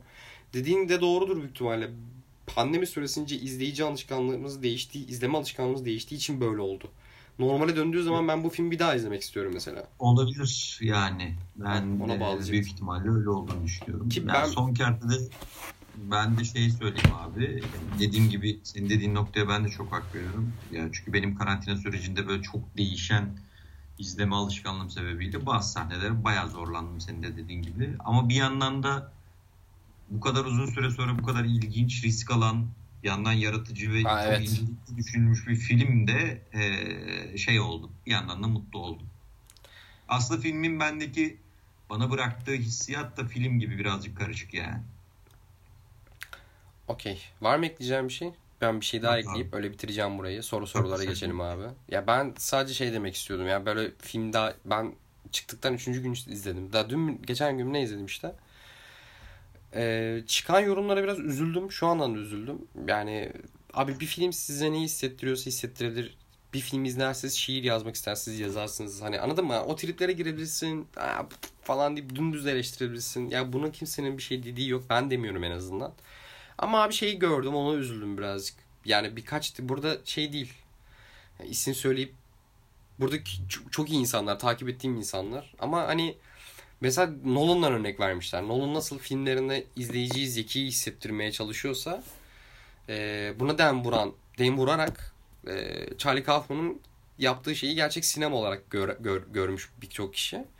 Onun dışında da sen işte Nolan'ın e, izleyici kitlesine yani Nolan filmlerine böyle söylüyorsun ama hani Nolan gibi bir anlatıma sahip bir filmi de böyle göklere sığdıramıyorsun gibi böyle bir ironi yapılmış. Hani bu insanlar da bunlara böyle birazcık üstten bakar aşağılarmış gibi konuşmuş. Ben biraz bunu üzüldüm. Bugün tweet atmıştım da bunun üzerine atmıştım. Onu söylemek istedim. Hani abi bir hmm. film sana zeki de seni zeki de hissettirebilir. Seninle çok başka etkiler de yaratabilir. Dediğim gibi oturup şiir yazabilirsin ama hani başka izleyici yani ben Avengers kitlesini de mesela sövemiyorum. Açık ve net söyleyeyim Avengers filmlerini sabaha kadar küfür ederim. Ama kitlesini seven kitleye geri zekalı bunlar izliyorlar diyemiyorum abi ben. Büyük ihtimalle daha önceki podcastlerden birileri çıkartırıp söyler büyük ihtimalle böyle böyle söylemişsin diye de. Yani en azından hakaret derecesinde varacak bir şey değildir. Ee, sadece bunu söyleyip bu konuyu kapatmak istedim. Velhasıl. Okay. Sorulara geçiyorum o zaman. Şafak Güloğlu kardeşimiz sormuş. Hemen ondan başlayayım. Öncelikle selamlar. Nasılsınız? iyi misiniz? Özledik. The Boys'un kurduğu kapitalizm ve süper kahraman anlatısı ile Joker'in kurduğu anlatı arasında hangisi daha gerçekçi ve daha doğru bir politik anlatı kuruyor? Watchmen özellikle bu ikisinden sıyrılıyor son dönemişlerden demiş. Doğru söylemiş. Bence e, hepsinden daha güzel politik anlatım kuruyor. Ee, Joker'le e, The Voice'u kıyaslayınca da ikisinde kendince iyi tutunduğu noktalar var. Ben Joker'in kurduğu politik anlatıyı daha çok sevdim açıdan. Ben daha gerçekçi buldum. Çünkü bir taraftan The Boys'ta güç sahibi insanların yozlaşmasını gösterirken Joker'de zengin insanların yozlaşıp halkın kendi anti kahramanı yarattığını yani çok gerçek geldi bana bu. Hani bir ekonomik buhran üzerine kurulu ya bir de. Hı hı. Ee, devam etmiş. I am thinking of ending things ile birlikte Kafu'nun yönetmenliğinin de senaristlik kadar olmasa da altından kalkabildiğinin son kanıtı mıdır? Biraz da New York yanılsamaları överseniz hazır Kaufman demişken çok sevinirim. Abi ben do- yine doğru söylemiş yani Şafak. Ee, zaten Charlie Kaufman'ın senaristliğini zaten tartışmayalım da. Yani hani biliyoruz. Ya bir zahmet. yani, e, ben bu filmi de e, iyi bir yönetmenlik olarak görüyorum. Ben, bence. Yani e, bu sularda devam ederse Charlie Kaufman iyi bir iyi bir yönet çok, çok iyi bir yönetmen olma yolunda gidebilir. E, New York'da sonraki şeylerimizde övelim ya Şafak. Överim de şimdi vallahi yoruldum 2,5 saat oldu. Ben vallahi bir şey söyleyeyim mi? Yönetmenlik şeyini New York yanılsamalarında bence kanıtladı gibi geliyor ilk filminde. Çünkü bence o, o filmi Kaufman dışında başkasını çekebileceğini ben zannetmiyorum ya. Yani çok acayip yani ilk film için çok başarılı, çok bambaşka bir şeydi yani. Evet bu arada e, ekstra olarak övmek ben çok isterim ama saat şu an siz kaçta dinliyorsunuz bilmiyorum da bizim için saat şu an gece oldu ve yorulduk. e, genel okuyucu. İzlemeden önce filmi konusu ve roman hakkında zerre bilgim yoktu. Bitirdikten sonra da ufak bir okuma yapmadan filmi tam olarak idrak edemediğimi anladım.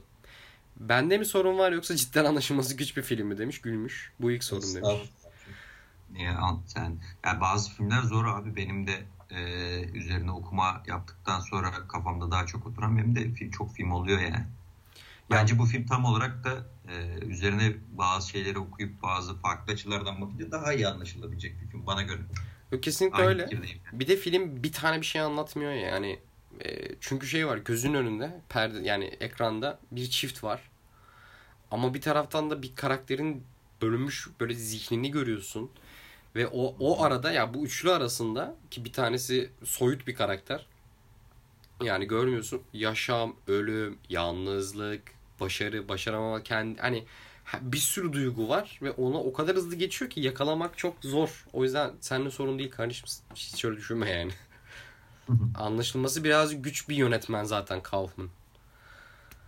Ee, ikinci sorumda da filmlerinde müziği en iyi kullanan yönetmenleri sormak istiyorum size. Benim ilk sıramda tabii Gayriçi var demiş. Siz de üçlü bir sıralama yaparsanız sevinirim. Son olarak çok ara verdiniz. Harbi özledik demiş. Teşekkürler. Teşekkür Ben Abi bir ara bunu konuştuk sanki lan bir podcast'te. Sen yine gayri içi övmüştün galiba. Ben şey demiştim ya ben Tarantino'nun filmleri kötü bile olsa müzikleri çok güzel oluyor dedim. Evet. Gayri içi de öyle. Bu arada böyle bir soru geldiği zaman ilk benim de Tarantino ile gayri içi geliyor aklıma. Çünkü ya, filmleri kötü bile olsa hakikaten sonra oturup Spotify'da soundtrack albümünü dinledim yani. ya özellikle hani gayri içi de bunu iyi yapıyor ama Tarantino çok çok ıı, dile pelesenk olabilecek şarkıları da buluyor ya bir yandan sadece Hı-hı. film özellikle değil sadece şarkı olarak da güzel şarkıları buluyor yani. O var. Bir de ben hazır mesela o kadar Birol Ünel konuştuk. Ben Fatih Akın'ın müzik kullanım tarzı var. Evet. Kesinlikle. Yani ona şeyden dolayı da bizim bildiğimiz şarkıları da kullanıyor ya. Yani bir yandan Türk bir yönetmen olduğu için falan filan. Yani hani e, evet bir klişe oldu artık o sahne ama işte o rakı içerken o yine mi güzeliz yine mi çiçek şeyini kullanması ya da işte İmculi'deki e, şeyler hatta İstanbul Hatırası diye müzikal bir aslında belgesel çekmesi falan filan ben Fatih Akın'ı ekleyebilirim mesela. Mü- müzik konusunda zaten şey e, kültür bayağı gelişik bir karakter ya Fatih Akın ki o belgeselle bir de şey yok muydu ya o belgeselin adı Köprüde Crossing of the Bridge. Hah doğru. Ya oradan bile anlaşılıyor zaten yani Fatih Akın'ın müzik konusundaki bilgisinin nerelere eriştiği. Evet.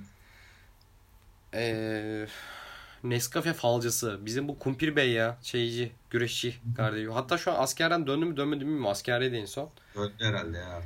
Pandemi süresince bizim sinema alışkanlığımız tamamen değişir mi? Sizin deneyiminiz nedir demiş.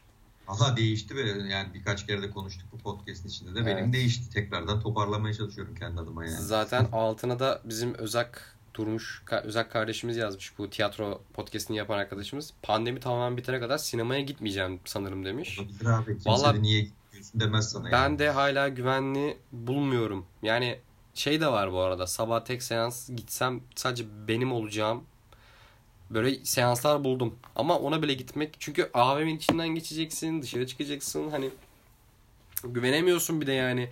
Temizledim temizlemedim. Bir sürü o kadar faktör var ki düşündükçe içim şişti. Abi bir de Dedim, izlemeyeyim e, daha iyi dedim yani. Yani evdeki izleme alışkanlığı birazcık şey gibi de benim mesela sinemaya git arada sinemaya gittiğin zaman sinema zaten çok seviyoruz ya zaten sinema atmosferini falan. Şimdi mesela direkt her şeyi evde izliyorsun ekranda ve e, böyle yoğun bir iş günü geçirdiysem ben bayağı uyumaya falan başladım ya yorgunluktan. Abi uyumak artı bir de şeyi bende ya. Algım benim artık böyle kediye döndüm ben. 5 saniye sonra başka bir şey. abi. Evet. Yani ölsem yorgunluğumdan uyumam sinemada. Öyle bir şey geliştirmişim kendimce. Yani hani bir şey mekanizması geliştirmişim. Lan sinemaya geldim uyumayayım falan diye. Doğrudur yanlıştır diye demiyorum. Uyuyan da uyur yorul, yorul, yorulmuştur uykusu gelmiştir Ses falan da. çıkarmasın, telefonunu kurcalamasın, uyusun ya. Canım olur benim. ama evde böyle ulan evdeyim mi zaten uzanmışım falan pıt gidiyorum abi. Yani bazen böyle hatta bu filmi izlerken o yüzden de birazcık korktum böyle direndim ulan o bu yarım saati geçiremezsem uyuyacağım çünkü yorgunluktan falan diye yani. İyi uyumamışsın bari. Aynen öyle. Abi benim ben odaklanamıyorum. Benim en büyük sorunum odak mesela. Yani sinemayı istememin sebebi de o. Çünkü orada şeysin ya sanki zincir vurulmuş gibi. Sadece hani perde ve sen. Hani film ve sen varsın. Hani başka bir şeye odaklanamıyorsun. Ben çıkarıp telefonla oynayan bir karakter de değilim. Cümleyi hızlı kurduğum için çok mutluyum şu an. Ee, yani evde izlemenin en kötü tarafı da o abi. Benim mesela odağım kayıyor ya. Yani bir an elin telefona gidiyor, bir an bir şey oluyor, kapı çalıyor. Durduruyorsun abi filmi. Durdurma lüksün var mesela evdeyken yani. Zaten onun gerisi geliyor. Sonra bir sigaraya çıkalım mı diyorsun. O film hikaye mahvoluyor o kurgu zaten yani. Doğru. Falan filan. Sorular bu kadar. İki yaklaşık iki buçuk saatlik bir e, podcastimiz oldu. 2 saat 16 dakika.